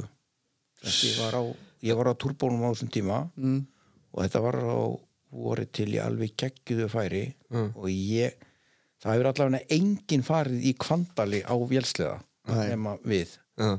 og ég hérna En byrju, e, e, hvernig er kantur þegar þú kemur niður? Er ekki bara eitthvað pínu lítið nei, nei, það er alveg fínt að við komum niður hún í, í sko dalbotnin Ó. á kvandali ég, ég bara ef þið farið þarna upp á þú veist, þegar þið farið yfir í Híðinsfjörð mm. þið getið farið þarna sko þegar þið komið upp úr ég veit nú ekki hvað þessi skörð þetta þarna þá getið þið séð hún í kvandali sko. Já, Ó, ja, ég, þetta, og snjóalögin voru svo mikil þetta var alveg sérsta tværi allavega. Ég hringdi allavega í Helga frenda minn áður en ég kom hingað. Spurði hann hvort að einhver hefði farið þarna og hann sagði nei það hefur engin farið þarna og það mun aldrei neitt fara þarna það var bara ég má vera með geðveik en það færi var bara og snjóalögin voru þannig þetta er, þetta er bara hálfgeri hamrar þarna sko. Já, Já. þetta hefur bara verið tækifæri sem að var ekki hægt að sleppa hann Nei, þetta var einmitt og þú veist, við fórum svo þarna upp á einhverja skör þarna sem sagt, og Helgi fer sem sagt, fyrstur og fer bara þarna upp á brúnina og svo bara sest hann bara niður eitthvað og ég legg sleðan mínum eitthvað þarna rétt fyrir neðan og ætla að labba svo bara uppið til hans. Og þú veist ég labba sem sagt til hann og svona álútur og lít svo svona upp. Og þá sé ég bara fram af hengifluginu sem sagt og þetta er svo hrikalega óþægilegt þegar þú bara þú veist, ég lamaðist í fótunum og hann var hann að míga ásúr hlátri því að þetta kom fyrir hann líka sko. Og svo sagði hann, kontu, kontu, ekki, ekki, ekki segja neitt sagðan, við skulum gáða þetta komið fyrir Gretar líka, svo kom Gretar askvaðandi þarna upp og það var alveg eins með hann, hann neig bara niður eins og hann hefur í skotin þetta var svo hryllilegt. Hvað er hátt fram af kantinum hann, veistu það? ég er 600 og eitthvað metrar þarna, þetta er bara beint niður. Já Ég held að þetta sé 600 eða 650 metrar. guð minna alma. Ég hef aldrei séð þetta. Hefur þú Nei, nei, nei, nei, hefum farið ég hef einu sinni farið upp á finnin eða eitthvað. Já. ekki tværi nær þessu en það sko. Nei. Sæll. En hvernig var að komast upp úr aftur? Þurftu að fara sömu leið tilbaka? Sömu leið tilbaka Já, og það var bara, þú veist, þetta var alveg, þetta er svona með því, þetta er svona eiginlega brattasta og lengsta brekka held ég sem ég hef farið held ég. Já, er, er hún brattari heldur en, en kettlingin að Já, að fara? þetta, er, þetta er brattar en kettlingin sko sæll og þetta er svo langt. Já Mér langar aðeins að spyrja þér samt að þið erum konið þangað Þú veist, þú varst náttúrulega fyrstur til að fara þarna norðamein, er það ekki, í kettlinguna Jú. Já, er það á þessum þúsundkalli? Nei, Nei, þá átti ég, ég átti 800 svona push turbo. Já, líka, svona two-stroke turbo, þú veist, hann var alveg hress. Var það, hvenær er það? 2010 eða eitthvað svoleiðis? 2011. Já, það var bara, þú veist, þú veist við, við, við, við vorum búin að dreyma um að fara þess að brekku já, bara frá því við vorum strákar bara að fara að inndir þú veist að það væri svo gaman að komast þarna upp. Já, Já, en þetta er ekki tækt nema bara í einstaka ári. Já. þú veist ef það er búið að fara mikið á snjóflóðum já, að þá er, að því að það er sko forstökk í miðri í miðri brekkunni Já. og það þurfa að vera búið að vera einhver sunnanátt og eitthvað þannig að það sé búið að skafa alltaf endarist fram af þannig að brekkan sé orðin svona full bara já, já, ég skilji, þannig að kom ekki kanturinn á milli Já, kom ekki forstökki sko. Já. Því að, og hérna svo erum við bara að koma að eitthvað og þú veist ég var nú kannski ekki á góðum stað í lífinu eitthvað ný skilin eitthvað og þú veist, var slett saman um allt Svona kærulaus Já, bara þú veist, fannst bara sleðin vera aðalmálið þetta væri bara geðveikt gaman og, og ég segi við Gulla, við sko bara heyrðu, þetta er bara dauðafæri núna segi, þetta hefur aldrei verið svona og sem var alveg rétt sko. Mm. og ég fór sem sagt fyrst upp, alveg upp að hengjunni undir hana sem sagt og sneri við þú veist að ég komst ekki upp sko, það var svo mikið frákast. Þig. bara efstu síðustu bara þrýr, tveir, þrýr metrarnir. Já, þannig ég sneri við og fór svona niður aftur á milli klettana og niður og hitti gulla niður og ég sagði ég kennst ekki hérna upp hana. Þú voru að fara og móka skarð. Þú voru að höggva úr hengjunni já. Þannig gulli fór upp hana kynvillinga megin, hinnum megin. Og hérna og, og sem sagt mókaði sem sagt skarð í hengjuna og, þú, veist, og þetta er náttúrulega maður er náttúrulega bara í tveggja kílómetra fjalla þarna niðri. Já, já, þú veist það er svo langt, langt þarna niður í afstöðan og hann, það var náttúrulega engin talstöð að símið eða neitt þarna, þú veist og bara og þú veist, hann átti bara að veifa þegar hann væri Klár. klár. svo byrjar hann að veifa þarna upp á brúninni og, og, þú veist, og ég held að bara þetta sé klárt. Og ég drýfum bara staðin þá var hann að reyna að segja mér að þú veist, þetta væri bara ekkert alveg tilbúið sko. en, en að, því að, að því að þetta var svo mjótt. Já, já, en þetta var bara, þú veist, ég sá þetta bara þegar ég var koni upp miða brekkuna þú veist, miði var bara beint og þetta var bara fínt, skilur já, en, en hérna svo, það eru menn búin að fara upp síðan held ég, já, þú veist hvað er, tvö ár síðan eitthvað? Já, Já. ekki menn fór þetta upp á, á voru til í svona já, það var rosalt færi þarna eh, fyrir svona tveim eða þreimur ári með eitthvað. gummi skúla? Gummi skúla og Kári Jóns Kári, og einhverjir. Já, og þeir fóru bara þarna upp á svona standard bara, veist, enda þú veist, ef það er ekkert frákast þetta, þetta, þetta er ekkert neitt ægilegt, sko. Nei. Nei, það er bara ef hengjan er ekki þá er þetta alveg hægt.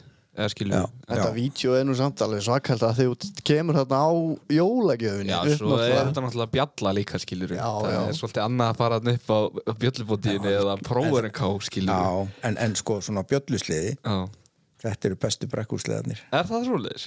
ég er búinn að eiga svona ég á bæði ég á bæði nýjan Kaos sem sagt 30 ára gamlan og svona Turbo Kaos líka. Mm. og það er engin betri brekkursliði heldur en gamli gamla bjöllubóti sko. Þetta er alltaf bara svo píla. Þetta er svo bíla og þú veist og þú ræður eitthvað við hann. Já. þessir fjallasliða þetta bara fer í einhverja brekku þetta, þetta fer bara Veltur á hliðin ykkur Nei, þetta fer bara kottnis yfir sig skilur Já, Já, prjóna, meina prjóna það, bara í einhverja slaufu. Þetta er svona, er bjöllu, svona bjöllubóti prjónar ekki sko. Nei.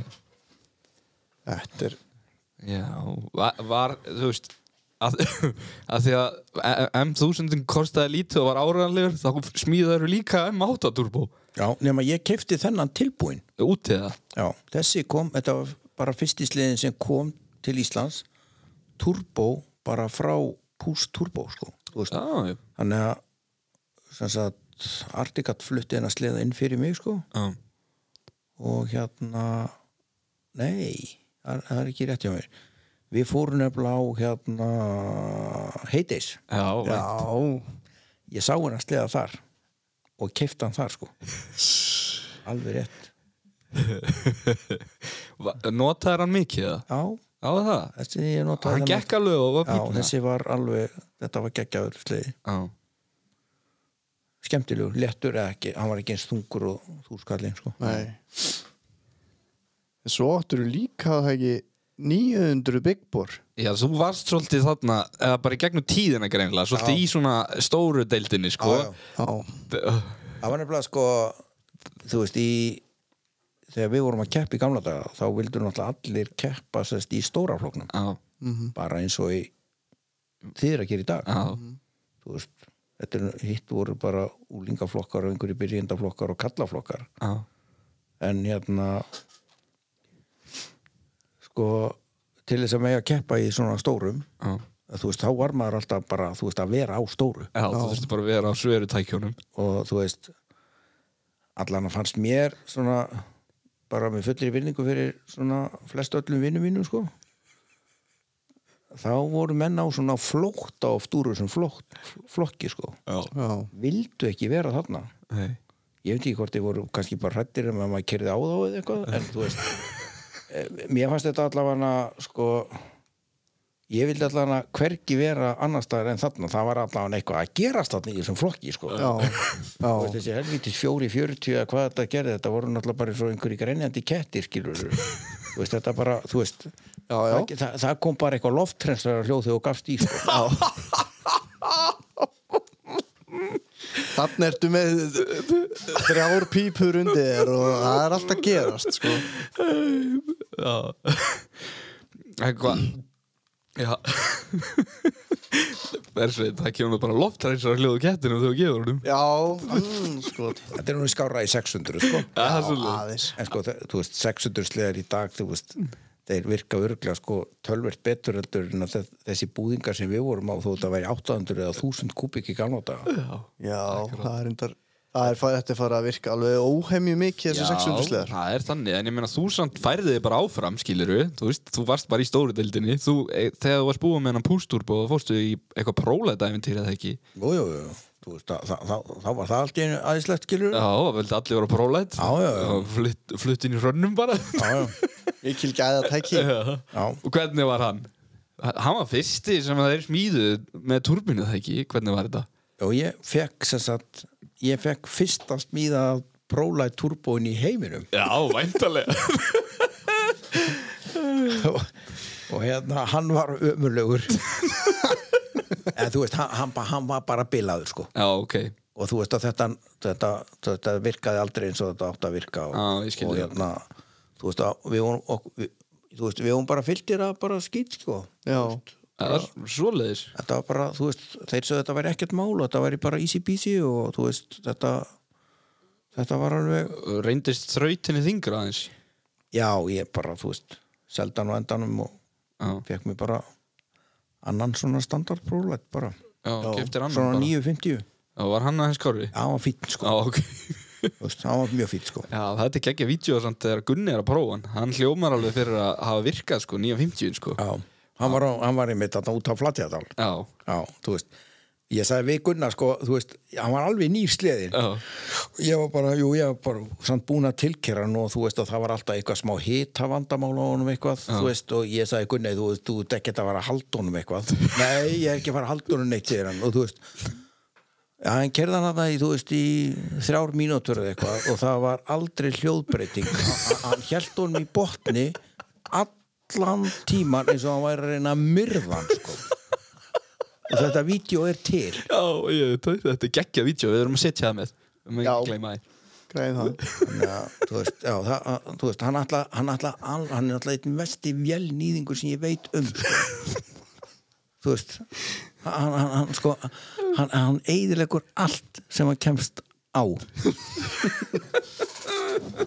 Var það ekki hann sem að byrja að svelta vélina á olíu Jú, og eitthvað til að fá meiri alltaf að sækja hvert einasta mikroafl sem var til sko. Við erum alltaf hrekt hvern annan geðveikt, eins og við vorum við að fara í hjólatúr og Gunni var búin að vera einhverja djöfis yfirlýsingar af því ég átti svona bara 144 kubika tústrók, Já. þú veist og maður var að, það var eins og með það þú veist maður var á 450 og 520 og þú veist 300 tústrók og öllu þessu svo kefti ég mér 144 tústrók, þú veist aldrei hjóla eins rætt á æfinni bara, þú veist, eins og ég fekk bara loksins hjól eitthvað sem ég reyði við. Já. Einmitt. þannig að ég, ég var að fara í hjólatúr og Gunni var alltaf að gera grína hana skellinurinni þannig að ég að náði mér niður á honum af því að ég, ég pumpaði sko 65 pund í afturdekki á hjólunars áður við fórum í túrin og við vorum komist hérna inn á hálfan gassadalinn og hann var á höstnum allstaðar í öllum ámun alltaf hjóli var eins og væri á sko, það var bara eins og væri, á, það væri búið að steipa í afturdekki sko og ég leit hins sinni við sko, þá, þá, þá, þá held hann í framgjörðina á hjólinu og var að draga það niður hlýðina sko. þú veist að því hann dreif ekki neitt sko. Hvenær lérst þú að vita? Þá þá. Þetta er ekkert eðlilega góðu djók. Finnur hann, já, þú veist, hann var alveg þarna. Shit, maður. Gerði hann ekkert grína skellnurinn í þá? Nei, þú veist svo sagði bara hvað hva, hva eru gert þegar ég hef meitt mig? Þú veist, þú veist að því að sko þú veist ef hann var fastur einhverstaðar þá hélt hjólið hans hétt Hólmfríður. Hólmfríður. Þetta var svona 2,90 jammi eða 2,50 jammi sem hann búið að sitja á 2,90 kitt á. Já. og við kölluðum hann alltaf Hólmfríður sem sagt hjólið. Já, það er nú ekki á ekki neitt skilt við neina konu eða neitt svoleiðis en bara, þú veist, þetta var svona hvað um þetta konuhjóli, ég veit ekki að hverju þetta nafn kom upp, skilur og hérna þú veist þetta auðmikið hjól, þetta var keirt á vendlaflótum hérna bara í tvö ár þú veist, það, þú veist þetta, þetta, þessu var bara haldi í botni yfir allt sem fyrir varð og hann hugsaði ekkert um þetta, ekki neitt. Og alltaf lifði þetta hjól. Já, þetta bara tekið ofan fyrir svona jamma á 250 sko. Það veist. Ef það hel, helst í gunna þá lítur hún að vera góð Það er gott í þessu. Já, Þetta er búið, heldur betur búið að vera. Já, það er eitt annað vídeo líka sem við þurfum að posta sem er svona nýmóðus Það er þegar þú áttir jamma þú, þú eignar svo jamma eftir þessum prólæti það ekki? Jú. Turbo jammi já, Það var ennþá prólætískan svona svolítið mikil þá. Já. En þú áttir Turbo Viper.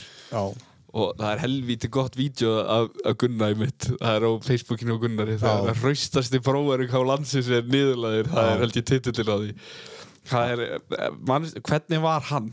Var þetta óvarga tæki eða? Því að þið átnið tassan er á 9.40 prólæti eða eitthvað og, og þú ert á turbojammanum og, og, og Gunni er á 800 prófarká og svo kemur bara eitthvað svona píla þarna fram úr á leiðinu upp, ég man ekki hvað þetta er. Þetta er örgulega einhver staðar í þetta er rauðskorðan út hjólusri Já, ok. Og þetta, sko, þessi slið, hann er svo kraftmikill sko. Já, og hérna og ég, ég man bara þegar við fórum í þess að ferð og þú veist, þú veist það voru allir að segja bara allar á þessu jamma ógiði þetta, þetta er bara einn geggjaðist í sliði sem ég hef átt. Veist, það er þetta keiran í sko meterstjúpu púðri. Já, þú bara keirðir hann á kraftinum. Það var ekki hægt þú veist, að, hann komst allt. Já, þú veist, maður snýri við það sem að standastliðarnir voru fastir í lausamöll. Já, já. þetta var bara fáranlegt en ef þú festir hann Já, þá var þetta bara búið. Já, þá ertu bara að kalla á björgunarsveit ég held nefnilega að þessi hefur átt helviti vel við þig. Það getur bara keirt á kraftinum í gegnum þetta eins og, eins og þetta hefur verið gert svona í gegnum tíðina. Það, við, það, sé, það sem þetta vídeo er tekið Já, að ég er náttúrulega ég er náttúrulega beið eftir þessu sko. ég leifði þeim að fara á stað og undan og ég sagði djöfull, djöfull skal ég stríða þeim núna af því ég kveikti sjálfur á ég var með myndavélina á hjálminum. Já, ég bara ætla að gera smá grín í þeim og hérna og Átni Tassan, hann var svo brjálaður af því að við vorum náttúrulega hann var að vinna hjá okkur, við vorum semst umbóðsmenn fyrir prólætt svo náttúrulega postuðu við þessu vídeo eitthvað á netið og Átni hringdi í mig og heimta að ég myndi taka þetta út að þetta væri svo mikið niðurlæging fyrir prólætt við myndum ekki selja eitt prólætt eftir þetta. Já þetta er geggjað vídeo. Það er eins og þeir séu kjurrir. Já. Það er sko, prólætin kemur fyrst sko Og þú bara, já, sæl, djúl virka prólætin með við áttina maður. Og svo kemur finnir á turbónum bara eins og rakist á, Á enda Já, það er þannig sko Þetta er, já, einmitt Það er svona turbo, já, maður kraftur Þetta er náttúrulega að- aðeins öðruvísi sko. Já, Manstu hérna þeir eiga nú hann Katalín Apexin sem þeir voru alltaf að brasa með. Já. Manstu þegar það kom? já. Já, var hann ekki svolítið svaðalegur Jú, hann er alveg svakalegur. Þa, það, þetta er bara veist, þetta er ekki sami mótorinn sko en þetta er, ég held að þetta sé bara eitthvað svona svipað þetta er veist, þetta, þetta, er, þetta er rosalegt að gera svona takki sko. Er það þessi sem er með netinu? Já, net það sem að þeir voru alltaf að spytna ánum Já, já. Einmitt. Hann var alveg skuggalegur sko. Að því við erum að tala um Gunna af því að hann var nú eitthvað já, já eina góða sögu hérna í viðbúta á hann sko. Já, endilega. Já, ég bara Það er klárt. Því að við erum alltaf búin að bralla svo ótrúlega mikið saman. Já, einmitt. Og hérna allan að konan hans Gunna, hún segir sko, hún segir að við séum eins og gömul hjón. Það reyndar er bara mjög fín líking og hérna að því að þú veist okkur finnst náttúrulega bara rosalega gott að vera saman og sem sagt hjóla saman. Og þú veist við erum sko ég, ég segi alltaf þú veist, við gunnir erum miklu meiri hjólamenn heldur en sliðamenn mm. endurumenn mm. Á okkar sög sko. Og, og hérna það er til voru til að miklu betri sliðamenn heldur en við. Við vorum bara, þú veist, þú veist óþekkir. Óþekki Já, og bara, þú veist Já, þú veist, í alvörinni Þú veist, það voru til alveg fullt af eða Þú veist, það voru til bara ótrúlega mikið á góðum sleðamennum á þessum tíma þegar við vorum sem sagt, í þessu. Já, ok. En við fórum eins og á hjól hérna fram á bakka sem oftar og Gunni kom gemdu við bara hjólinn alltaf fram í sveitinni á mér. Já, og við förum í einhver túr hérna á bakka og það eru nú einhverju tveir með okkur eða eitthvað og hérna það er sem sagt það er farið eitthvað hann út, út undir kristnis eða eitthvað og, þú veist, og, og ég hérna ég sem sagt slít keðjuna sem sagt á hjólinu hjá mér. Og ég segi við Gunna hérna, við erum bara að skilja hjóli eftir. Og hann bara, nei, nei, nei, ég dregði bara heim. Og ég sagði, "Gla- vætan ég bara glætan, spætan, ég verði aldrei láta það draga mig heim. Og ég lofa sko að fara rólega. Af því að það var alltaf ef einhver var dregin þá var hann rappaður til fjandans og skipti engu máli hver það var og ég, ég, ég, ég segi við Gunnar þegar hann leggur á stað þegar hann er búið að binda í gaffalinn hjá mér bara öðrum megin og, og ég sagði við hann sko veist, ég, drep þig ef þú dörla mig út sko. Og hann bara, ekki sjens við, skulum bara, það voru kallt við skulum drjúkur heim. Og var geðveitt samfærandi. Svo bara fyrir hann á stað og hann kerði einn metr á stað. Þá kúplaði hann sundur og þú veist, rappaði mér svoleiðis og svo bara þú veist, svo skipta bara í annan og svo bara í þriðja og ég bara, þú veist, ég dró öll hjól sko, af því að ég sá ekkert út og enda með því að ég vald á hliðina þú veist, með svona eitt tonna drullu í fangin ég satt bara með bensíntankin fangi fullt af skýt sá ekkert út þú veist, ég var ekki með gleru og það var bara þú veist, ég bara þú veist þetta, þetta, var, þetta var algjörlega öm og sko þetta endaði með því að hann hló svo mikið að þú veist hann, hann, hann, hann held hjólinn í botni að endaði með hann prjónaði sko yfir sig og ég var hann stopp. Veist, hann hætti ekki fyrir að hann fór kottnís veist, með mig aftan í sko. Og, og hann hló svo mikið að hann gæti ekki tala þú veist, ég hefði ekki það barið hann. Þú veist, hún fannst þetta svo geðveikt fyndið þú veist, auðvitað var ég kannski einhvern tíum búin að rappa hann eða eitthvað. En þú veist, þarna voru við eiginlega bara tveir. En þú veist, hún dætti til hugar að keira með mig þú veist, eins og maður. Þannig að svo bara, þú veist hlóðu við nú bara eitthvað og eitthvað og svo bara ákveða að fara heim sagt, og við leggjum á staði til bökkunum og það er svona hestabrúðan á leiðinni og ég hugsa bara með djöfull hvernig ég geti námið nýra á helvítis kallinu sko. þannig að hann keirir helvíti liðut sko og yfir brúna og ég hugsa með mér djöfull ég fór hinum með við staurin á hjólunum sko. spottin lendi utan um staurin og sétt hvað kallin fór fram fyrir sig þú veist ég er náttúrulega döið meiti mér bara, þú veist, lendi á girðingun og reif mér allan hérna á lærunum en hann fór svo boga fram yfir stýrið maður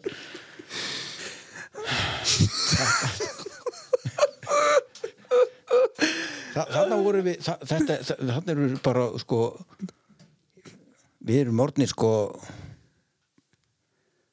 við erum konur undir færtugt þarna hugsaðu í alvöru? Ég er að segja það satt sko. Þið eru svo rosalegir sko. Úff.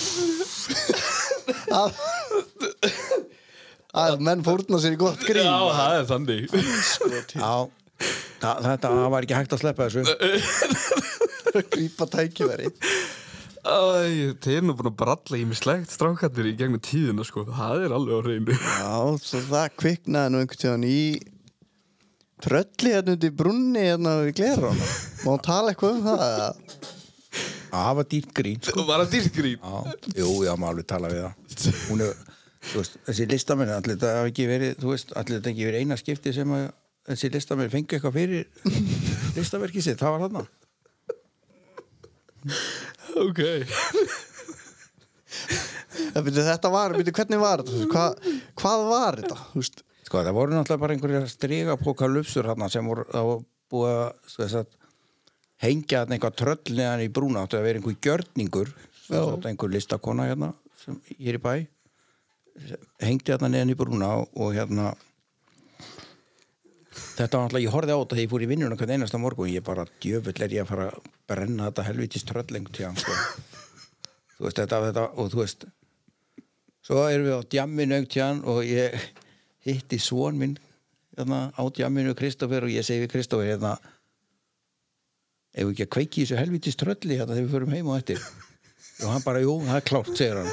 Þannig að við förum sko og löbbuðum sko þetta út á ólís fórum og keftum okkur bensínbrúsa 5 lítra bensíni og kveikara og konan í afgriðslunni sko þetta var miðan nótt þá var sko opið allan sólarhingir og konan í afgriðslunni segir bara í hverju eru þið að fara að kveikja? Við erum nú bara að fara að sýta bensín og bílinn hérna, hann er bara bensínlust hérna. Og hérna svo hann að við fórum semst og ég ætlaði semst að taka semst að gjörningin upp semst að á síman já, og, og Kristoffer átti sko að kveiki tröllinu. Og, og, Ró, Róbert Davís var með okkur og, og, og hérna og hérna heitti í Heiðgunbygg já, af því að, að, því að við, þeir, þeir sögðu nefnilega hérna e, þeir voru alveg það, það voru allir til í að brenna þetta tröll sko. Já, og þeir sögðu sko, heyrðu við tökum skellin með þér sko. Já, við tökum þetta allir. Og, og Róbert átti sem sagt að taka líka upp að því við ætlum eiga þetta á vídeo sko. mm -hmm. nema Róbert draf, drafst náttúrulega þegar hann var að koma sér fyrir einhverstað hann undir brúni og sopnaði bara meðan við vorum að ná í bensinið og hérna svo, svo bara fer ég eitthvað að stilla mér upp á það og Kristoffer hellir bensininu í brúna og kveikir sem sagt og tröllin náttúrulega föðraði náttúrulega bara upp á veist, bara á 5 sekundum og hérna við hlöpum svo inn í einhvern runna hann í skarslíðin og földum okkur þar að því að þetta er náttúrulega plassi beint við lauruglustöðinni við vorum náttúrulega ekkert að spá í það og svo kemur löggan hann eitthvað og fyrir að lappa þarna um allt með vasel og kalla segist vita við séum að nengstar og Kristóf er alltaf eitthvað að reyna að kíkja út úr runnan og ég var alveg bara viltu dörla þér hérna inn í rumman ég ætla ekki að taka mig hérna og ég er að verða 50 sko.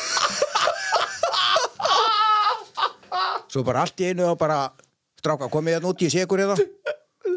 Og ég, ég bara verður náttúrulega að fara þarna út úr runnanum skilur og fyrsti maður sem ég sé það er Helgi Túl þá er hann í lauruglunni og hann bara finnur hvern anskot hann er tú að gera hér. Þú veist. Þeir að vera að búast við einhverju 17 ára búlingum sko. Við lentum í steininum þannig að þú veist. Og, og, og þurftum að borga tröllið og við gerum í turrinu já, það liggur alltaf röðran undir. Að sviðna eitthvað kápan á því. Þannig að það er að borga það líka.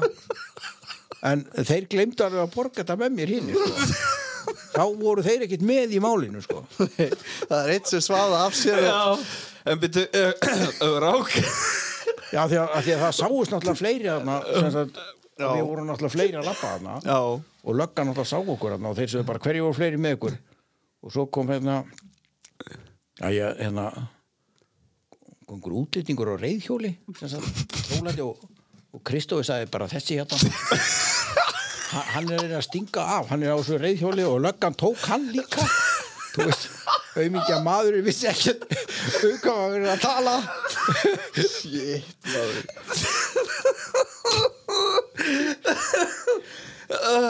Ránkaði Róbert bara við sér þegar það var allt orðið alelda? Ég, ég held að hann hafi vaknað daginn eftir í alvörunni. Allavega, jú, allavega, þú veist hann allavega gerði ekki vartsvið hana vartsvið, já. Þetta er náttúrulega ótrúlegt.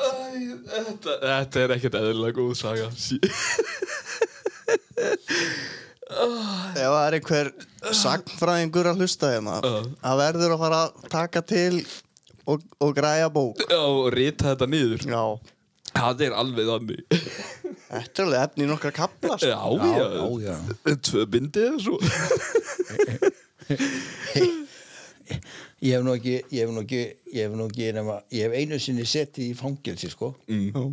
Og það er fyrir svona svipað. Mm. Þess að, svona prakkarastrykk, sko.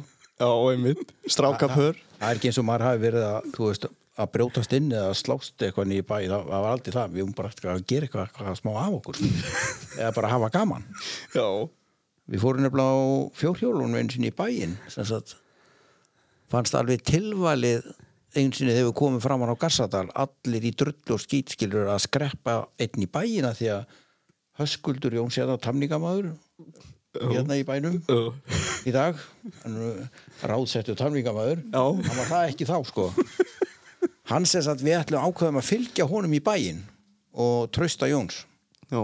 Nei, eh, nei trösta Hákonar segi og ég, ég og Ingólfur fórum með þeim í bæinn sem sagt, og það var náttúrulega kerðum í bæinn og svo bara heyrðu, við skulum fara einn rúnt í gegnum bæinn sko, á fjórhjórunum þá mættu við náttúrulega lögreglunni og þeir, þeir fóru eld okkur þeir fóru allir upp skátsakilið nema ég ætla að vera geðveit sniðu sko, fóru í gegnum göngutuna veist, og upp kaupirlaskilið og, og ætlaði svo að þurrka á að mér og fór niður kirkjutröppunar þú veist en þeir náttúrulega fóru náttúrulega niður kirkjutröppunar eða fóru sem sagt niður gilið aftur og byggðu bara eftir mig þar þannig að ég fór svo aftur upp gilið niður hérna Eirlandsvegin og þá var náttúrulega ekkert hagakverfi eða naustakverfi eða neitt og þá fór, ma- komst maður bara beint upp í kjarna Já. þannig ég fór bara eitthvað upp í kjarna og þú veist Volvoin var þarna og, þú veist, á eftir mér veist, ég leitt tvisvar við eitthvað ég, ég sverða að ég geta tekið í grjótgrindin á bílum sko. þeir voru svo nálað mér sko þú veist, þú veist maður átti nú enga sérstaka aðdándu þannig í löggunni, Kastara Grettar og einhverja fleiri þarna, Óli Áskeis og hvað er hétt allir þarna þeir, þeir hötu mann út úr lífinu sko. Og, og sem sagt svo fórum við inn í kjarna og þeir fóru þeir voru bara hortnir og það var enginn gemsi sko. Nei. Þannig að ég var bara einnin í kjarna að fela mig fyrir löggunni þannig að ég í einhver klukkutíma og eitthvað og svo sagði að þetta er fínt ég ætla að drífa mig bara fór niður á brunna og svo bara kem ég niður á veginu alltaf þannig að bara fara yfir gömlu brýtnar og fram bakka eins og við gerðum alltaf. Bara fyrsta sem ég séð það er lauruglun bara við hjartaplanið þarna sem að útvistaplanið er. Já, já. Og þeir eru bara, þú veist, og ég kem á þann fullir ferð á hjólinu á 500 kvadrisunum og þeir út úr bílnum ætla að króa mig af á veginum. Já, bara fólkangandi já, já, ég, já, ég náttúrulega bara stakk mér eitthvað fram hjá þeim bara og, og frammittir og þeir eldu mig fram allan hrafnakísreppin með gjallarhortni út úr bílum þú veist, að reyna Hinnur Skæði Skaffa Já, ég var að reyna. Þú veist. Og hérna Við fórum svo, svo kynni bara heim í höskustæður og þar var bækistöðin alltaf. Þar voru þeir sko alveg skellir hlægjandi skilur og þeir hefðu sloppið en ég hef verið tekinn sko. En ég var náttúrulega ekki tekinn. Svo bara er ákveðið það er búið til einhver legasaga við hefum bara aldrei farið í bæinn aldrei. Já. bara ef við erum, erum yfirheðir eitthvað við bara fórum aldrei í bæinn. Ein, ekki neitt ná okkur. Þannig að ég finn svo bara í vinnun upp í mjólkursata hérna morgunin eftir og bara inn í Ostager bara eitthvað í góðum fíling og kom bara tveir lauruglu þjóðan inn í Ostager og ég var bara handjátnaður inn, inn í Ostagerðinni. Þú veist, í hvítum slopp bara í, bara í hvítum buksum og í hvítum slopp og ég var með mér út í játnum þú veist, og þeir sáðu ekki neitt. Þeir bara, þú ert handtekinn og bara fóru með mér út. Þetta verið svo að vera ef svo finnur væri bara einhver eitt Já, það er þannig. Já, það var bara, já, það var bara eins og ég hefði bara drepið mann Þú veist, og mér bara skuttla í steinin og það var ekki talað við mig í sex klukkutíma. Engin Ég satt bara inni aðna, þú veist og svo kom Daniel rannsóknarlegur maður og sagði bara, já, finnum við nú bara þú veist, þú getur nú bara fara yfir þetta fjórhjóla æfintýri þetta í gæður með þér eitthvað ægilega svona stiltur og prúður kall, góðu kall. og ég bara veit ekkert hvað þú ert að tala um sagði ég alltaf bara og þú veist að þá hendur þeir mig bara inn í klefa aftur í eitt sólarring heldur þeir mig, þeir máttu halda mér í eitt sólarring þegar það var klukkutími eftir að væri eitt sólarringur þá kom við inn og sagði jæja ætlar ekki að játa þetta bara núna? Ég sagði ég, ég játa hvað? Ég, ég veit ekkert um hvað er að tala. Þá sem sagt lásu þeir upp skýsluna það sem að það var búið að taka alla hina líka voru þeir búin að klaga? Nei, það var náttúrulega búið að taka þá líka. Þeir voru allir teknir, við vorum allir teknir sótti bara á sama tíma. Og þú veist, og það var náttúrulega ekkert hægt þú veist, það var náttúrulega, við þekktust náttúrulega af enginn með hjálm eða neitt þú veist og hérna þá til dæmis misti ég prófið í sex mánuði. Já, anskotin fyrir þetta Þú, það var nú það var nú ekki fallega gert að að vera sviftaði Nei, Fyrir að villa. Þeir, þeir, þeir, þeir mistu prófið líka í mánuð. Í mánuð, hvað af hverju fengu þeir svona vægt? Af því að þeir eldu mig svo lengi af því að ég fekk bara það voru bara tvær A4 síður bara, þú veist, skýslan það er alveg gaman að fá hann í dag og lesa hann Já. hún er alveg, hún er alveg ég held hún sé aðgengileg sko.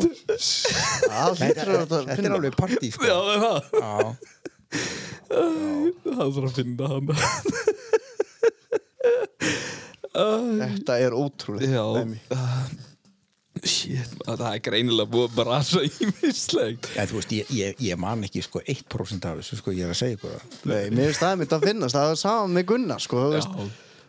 Þetta er bara brot að því sem að var í gangi að er þannig sko líka öruglega margar sögur sem eru löngu gleymdar sko. Já. og svo náttúrulega rifjast þetta upp um leið og einhver nefnir eitthvað svona stikkorð á nafn sko. Þannig að þú- þeir geta verið að rifja þetta upp á elli heimili í samvinningu Já, þú veist, þetta bara, þú veist Já, einhvers stað, sko einhvern tíma náttúrulega ég, ég held nefnilega sko dagbók í dálítið langan tíma.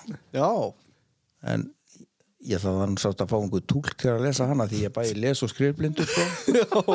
en, en, en hún, hún er allan til ég á hana sagt, og það, það er allan ímislegt í henni. Og pappi minn sko, hann, er, hann er búinn að skrifa dagbók síðan hann var úlingur ég veit að það, það, það hann, hann var alveg búinn að segja þessa setningun oft sko, bara fannst þér þetta að borga sig sko. þú veist. Já, því að við kannski fengið þetta líka heima hjá okkur. Já, einhvern tímann. Já. Þannig að gamli áður eitthvað á riti einhverja svona snild. Mér, já, mér, mér grunar það sko. Æ, já, þetta er alveg indislegt Herðu, finnur. Mér langaði bara að spurja þig Þetta er nú að verða svona alveg ágætist áttur hjá okkur erum konir í 1.50 Mér langaði aðeins að spurja þig bara rétt svona tvær snjóslega spurningar í endan og bara til þess að enda þetta einhvern veginn þannig. En hvað, er, hvað var uppáhaldsliðin sem þú eru átt og hvað, hvað er besta tækið þitt skilur, þú veist, hvað hefur mest gaman að?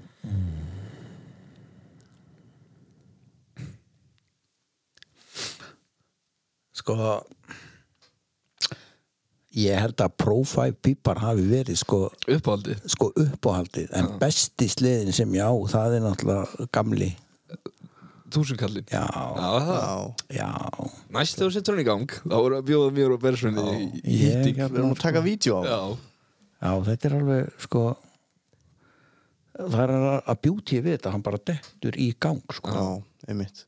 Það er geðvikt Það er alveg sturlað, sko. Já, Þetta ánefnilega að vera gaman. Þú veist, lífið er náttúrulega bara allt og stutt sem sagt, finnst mér. Já, ég er sammála því. ég var alveg til í að væri bara helmingi lengra. Þannig að ég var að ég var allan til í að bara þó ég væri ekki nema bara þrítur Já, í dag sko. Mm.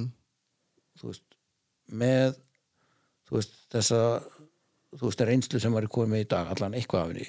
Einmitt. Þá- þá- þú veist, það, það var alveg gaman. Já. Ég trúi því, Ég skal trúa því. Og hérna, þó, þó ég er ekkert að vera að drepast á morgun sko veist, en þannig að og ég er ekkert hættur þú veist, að leika mér veist, ég fór í njáskipti í fyrra sko Já. þú veist, fekk nýtt gerfi njö sem sagt og bara tókst upp á tíu og læknir sagði bara við mig þú hjólar ekki og þú ferð ekki á sleða í heilt ár. Og ég emdi það. Já, þú hefur náða að ég fór í 17. nómubir í fyrra og það er komið meirinn ár og ég er ekki búinn að snerta þetta Nei. þannig að turbóin minn hann stendur bara heima, nýji pólinn spenntur eftir kallinum og stefnan er sett á Ameríku í vettur sko Nei, það er Auðvitað. Það er að fara til bandaríkjana Já. Hvað er, hérna, akkurat Þú veist, núna eru konum við kallberðsveit sem er búin að fara Þú veist, og þekkir strákar sem er verið mikið Hva, Hvað er best að fara hana? Þú veist, bara eins og fyrir fólk sem langar að fara þetta er svo misand bara hvert hvað menn vilja sko. Þú veist, það er náttúrulega frábært að fara til þú veist, Já, Karl Kúster, hann er einn af þessum betri. Já og það, þú veist, það, það er líka ekkert mikil hæð. Veist, við, við fórum til Chris Búran sko þrjú ári röð. Já, þú veist, og það er bara 3400 pluss já, varst bara þú veist, þú andast. gast ekki hinn sem sett sleðan í gang sko. Nei, alveg andlaus. Við, við fórum þetta út þetta hvað, ætlum ekki verið sex eða eitthvað sem fórum þetta fyrsta skipti sem við fórum Já. til, fórum til Aspen flugum þangað og það var náttúrulega sagt við okkur sko, þú veist, til að venja staðinni ekki drekka bjór og hérna ekki fara á skíði. Ekki fara á skíði? Í, í, í heilan sólæning sko. Já, já, já, bara með hana meðan maður er að hæðin líkaminn er að venjast Af því að þetta er eins og við að fá kavaravíki sko, þú fer svona háfjallavíki sko. Já, og við bara tókum því hérna rólega var, vorum ein- einmitt þarna úti þegar að Halldór Helgason var heimsfrægur Já. við horfðum á það að í, X-Games stótið það? 2010 já, við horfðum á það live. Aha, vorum bara einu íslendingarnir þannig held ég bara með Sæll, Þetta er þegar hann. tók double korki tvisvar í röð og Já. vann með fullt hús stiga. Já, engin þegar- annar hefur gert það Nei. Hvorki fyrir neða síðar, held ég. Og hérna við vorum þannig og Freyr Aðalgeis, frendi minn Já. hann held að þetta var ekki mikið mál. Hann fór í allar skíðalifturnar sem sagt á skíði þennan dag og datt svo duglega í það um kvöldið og varð fredd við köllum hann þegar hann drekkur yfir sig. Og hann endaði náttúrulega bara í súrefnispoka og í, með háfjallaveikja hæstu stíi daginn eftir og e, þú veist, í alvörinni þú veist, hann, hann- hann lá í súrefnisboka á gólfinu eða svona súrefnistjaldi já, geðveika myndir á honum heima. Við, við, breyt, við breytum íslenska fánan yfir tjaldi hjá honum. Stolt landsins. Og, og þá, fó, þá fórum við sem sagt til hérna Chris Búrand, þannig fyrsta skipti. Já, og, og hérna og voru náttúrulega bara að fara að meika það sko. Já, sýnum hún hvernig þetta væri. Já, svona bara, þú veist, við varum alltaf frá Íslandi skilur og varum bara hundvann í sleðamenn svo fórum við að varum við að sitta hérna bensín á morguninn og við vorum alltaf alveg trillti sko að hérna að komast út. Já. og þá var hann með eitt turbo. Já, þetta er 2010 held ég. Já, þá var hann sérst uh, hérna Polaris turbo. Já og, og við vorum alveg geðut fúlir sko, að þegar hafa búið að segja okkur að hann væri með turbo Já, Já, og við bara eitthvað bara, bara hvernig ekki með turbo og segja að við fengum turbo og hann bara, já, bara við heldum að þetta sé bara fínt eitthvað og, og það bara svo fórum við á sleða og, og, og þá segir Freyr þegar við erum að fara, hvað er auka bensin hvað er, hvað, hvað er bensinni fyrir daginn? Klukkan var sko nýju morgunin já, og, og búran sagði bara þið þurfið ekkert meira bensin heldur en það sem er á sleðanum sko. Jú, þetta er tveggja tanka dagur, sagði Freyr alltaf sko. þetta er tveggja tanka dagur sko. nýkomin úr Við súrefnis komin nýkonu súrefniskrinu sko í stuttumáli var það þegar að dagurinn var búinn Já, þá fór 11 lítrar á mestasleðan og 7 lítrar á hennar minnsta. Það var það sem við afreikuðum þennan dag alveg. Veistu það ef að sleðin fór ekki í gangi í fyrsta púli þá settust á sætið og þurftur að bara býða í eina mínútu Sæll. Þannig að ég mæli ekki með háfjalla keislunni nei, eða fara í svona hátt. Já, einmitt. Þetta er nefnilega algjör En af hverju fóruð það alltaf aftur? Erðu, við fórum, við fórum til hans en hann fór með okkur annan stað. Já, sem sagt, þess næst, ekki í eins mikla hæð sko. Já, og, og svo náttúrulega urði, vorum við náttúrulega skári sko, og svo náttúrulega þetta var náttúrulega það er eitt að fara á sleða og svo var náttúrulega bara félagskapurinn og þetta var náttúrulega bara þetta var náttúrulega bara ógeðslega gaman sko. Ég trúi því Er hann fýtt kallið? Búran, Já. hann er, hann er frábær Það er Já, Eh, hann er náttúrulega bara sérstakur eins og allir þessi gaurar en þetta var ekki að stíga honum neitt til hann var náttúrulega heimsfrægur á þessum tíma Já, já. Já, já, en þú veist, hann tók okkur bara eins og við varum, þú veist, vinnir hans. Þú veist, var ekki með neina stjórnustálega eða neitt sko. Já, ok. Það er alveg ekki sko. Og hérna, og það er eins með Brett Rasmussen, ég er búin að fara oft til hans sem sagt. Og, og náttúrulega búin að fara líka til Karst Gústirs líka. Já, Já. Þa, það er eiginlega svona skemmtilegast að fara til hans það, Ertu að fara þangað núna? það er ekki búið á hvað Nei. en við bara, það er allavega það er á döfinni. Ég saði við strákana síðast ég fór sko, veist, að ég fari mína síðustu ferð. Já, einmitt. Ég sagði það, ég bara, nú fer ég ekki að því að ég var svo drepast í fætinu sko. Já, ég skilji. Þannig að ég sagði, ég hef ekkert gaman að þessu Nei, nei. Nei, ekki sár kvalinn nei. Nei, en ertu betri eftir aðgerðu eða, þú veist, hvernig? Ég bara skal fara í vítakeppni við hér og nú. Er það með vinstri Já, já Það er klárt, það er frábært að heyra. Nei, ég bara, er bara, þú veist, ég finn ekki neitt. Ok. þetta tókst bara upp á tíu já bara 7-13 og það bara, þú veist Já, það er ekkert að mér í hinu nýjunu þú veist, og bara ég, byrjar bara nýtt. Það er bara, ný, er bara nýtt til. Eru þið allir að tjúna ykkur núna eins og Gunni var í einhverjum mjádmaskiptum og eitthvað þegar það fyrir ferðina frægu næstu? Að hann fer nú ekki með í vetur sko. Ekki. Ha, þessi, uh, ég, þessi, uh, þessi göngugrind var ekki að gera neitt fyrir hann. Þeir voru flottir Sloppurinn var nú, hann var nú helviti góður samt Æ, Já, þetta er geðveikt Já, Bersett, við þurfum reyndar að fara í svona líka. Já, já, kannski sko, ekki ég, ég strax. ætla hann að mæli með þessu þegar þessi ungi mann sko, þú veist, þetta það er eina sem að þetta gerði sem, sagt, sem var ekki gott sem sagt, eftir að við fórum að fara svona út að þetta svona skemmti aðeins sporti hérna heima Já, þú veist, maður var bara með svona þú veist, nefndi ekki að fara á sleða því að það var ekki nógu gott færi Já.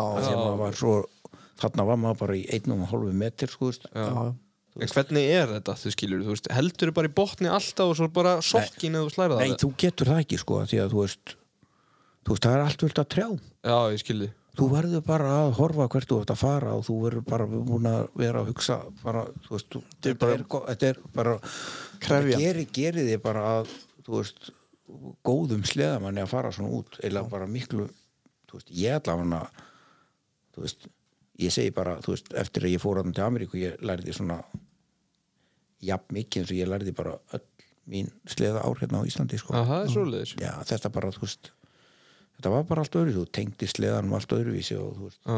þú, þú, þú veist ég þú veist ég fór í sem sagt þannig að við vorum til Krispúrand fyrst þá vorum við í einhverju svona skóabröldu og þú veist, ég var viðskila sem sagt við sleðan sem sagt, og, og hérna ætlaði eitthvað að reyna að bjarga málunum eitthvað og fór í veg fyrir hann sko, í svona lausamöld ætlaði sem sagt að fangan áður en hann færi niður brekkuna og inn í skógin þannig að hann, hann, þannig að ég tók hann bara á milli skíða ætlaði bara að taka hann svona í fangið. Já, en sleðin fór náttúrulega bara yfir mig og ég fór með handurnar sagt inn í klafana sagt á framann og festi sagt hendurnar. Þannig að sleðin fór með mig að einhverja 50 metra niður brekkuna ekki þetta á mikilli ferð bara og í sko þú veist, í metrstjúpu búðri og ég bara fann hvernig bara það bara tróð snjórin inn í hjálmin og inn í öll vit og allt sko og, og, og ég heyrði svo alltaf sko, þú veist að þeir voru einhver starf að nálægt þegar maður heyrir alveg verð og sért komin í hún í snjó sko. Já. svo fann ég bara ég var að kapna sko. þú veist, ég fann bara, þú veist, andadrátturinn bara var að þingjast, skilur, og ég bara fann að það var bara alltaf lokast sagt, og ég var bara alveg að missa meðvöndun þegar ég bara heyri sem sagt að það bara kemur einhver hlaupandi á fullri ferð sem sagt að sleðan hjá mér þá voru að krispúrand og byrjar að sem sagt að reyna að lifta sleðanum sem sagt, en hann gat ekkert liftunum af því ég var með hendurnar flæktar í klöfunum það var náttúrulega bara eins og akkerið hann undir sleðanum og beltið vona mér og, veist, og gat ekki, gat ekki gert neitt sko. Nei. Og ég þurfti alveg bara að, þú veist, að taka á öllu sem ég átti bara að, þú veist, að, að, að reyna að róa andadráttin Já, ég að ég var bara það, það var bara alveg að slökna á kallinu sko. Já, Shit. Og, er og, og Þór Kjartans kom svo þarna rétt á eftir og hjálpaði honum þarna og ég bara, þú veist mér bara aldrei þótt eins vænt um neitt mann eins og Þór Kjartans þegar ég bara tók hjálmin að mér og sá hann þarna, þú veist ég bara hérna, ég, þetta væri bara mitt síðasta sko. Og, Krossfestur á sleða ha? og, og bara bjarg einhverju sleða einhverju, einhverju tuggu Jöfn Það er nú verið skárra ef hann hefði bara lent á trías í sleði og þú standandi í brekkunni sko. já, já. Já, Já, það voru nokkri allar það voru allar ég held að það verið tveir eða allan að tveir sleðar borgaðir út í þessum túr. Við fórum allar Er það líka partur af þessu? Já, það er alveg fyndið, þú veist. Þú veist Freyr misti eins og í sleða sinna hann lengst upp og fór eitthvað góstrætt hann í alla hliðin og hann bara, hann fór í förumendir, sko. Það er ekki ekki Já. Þannig að það finnur Nú erum við búin að koma yfir tvo klukkutíma. Já, þetta ekki voru fínt. Að það ekki? Ég held að, ég vona að hlustendur hafi jafn gaman að þessu við. Það er búið að vera fjörinn í stúdíun í Já, kvöld við sko. ætlum ekki að fara Við erum spáið að hérna, eiga kannski inni ef við fengjum svona saminninga þátt fengjum einhverja nokkra hérna og þeir vildu endilega deila einhverjum reynslusugum saman Já, já. en e, þetta er alveg magnað sko. Og þannig að það er bara næst á döfinni og þér þá bara leika sér á toffari bílnum og fara til bandaríkinni í sleðaferð Já, það er ekki aldrei slæmt.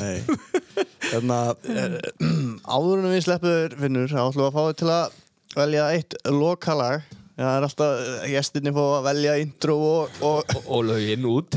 já. já, já. Hérna, það er komin tíminn til að slá bóttin í þetta og finnið er búin að finna lægið Heldur betur. Það er ekkert annað heldur en hérna, Eiríkur Augsson að Gaggo Vest.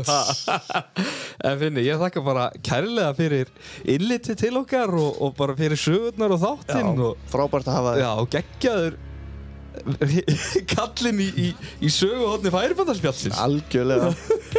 Við vonum að hlustendur hafa nótið þess. Já, já, það var mjög gaman að fá að koma að það mm. veist, og ég, ég var alveg til í að mæta þetta með Gunnar vinni mínum um tján já, við förum í það. Við græjum það, Það verður spesial þáttur, einhver loka þáttur færibandarspjallsins Já. Þá verður eitthvað svona gott og Aldrei verið settir í bann eftir þáttir Gæti Ekki, nei, aldrei hjá okkur. Ég veit ekki hvort að neti tæki. En það er þannig, en Finnur, aftur, takk kærlega fyrir og bara þanga til næst, takk það. Takk. Takk Hey.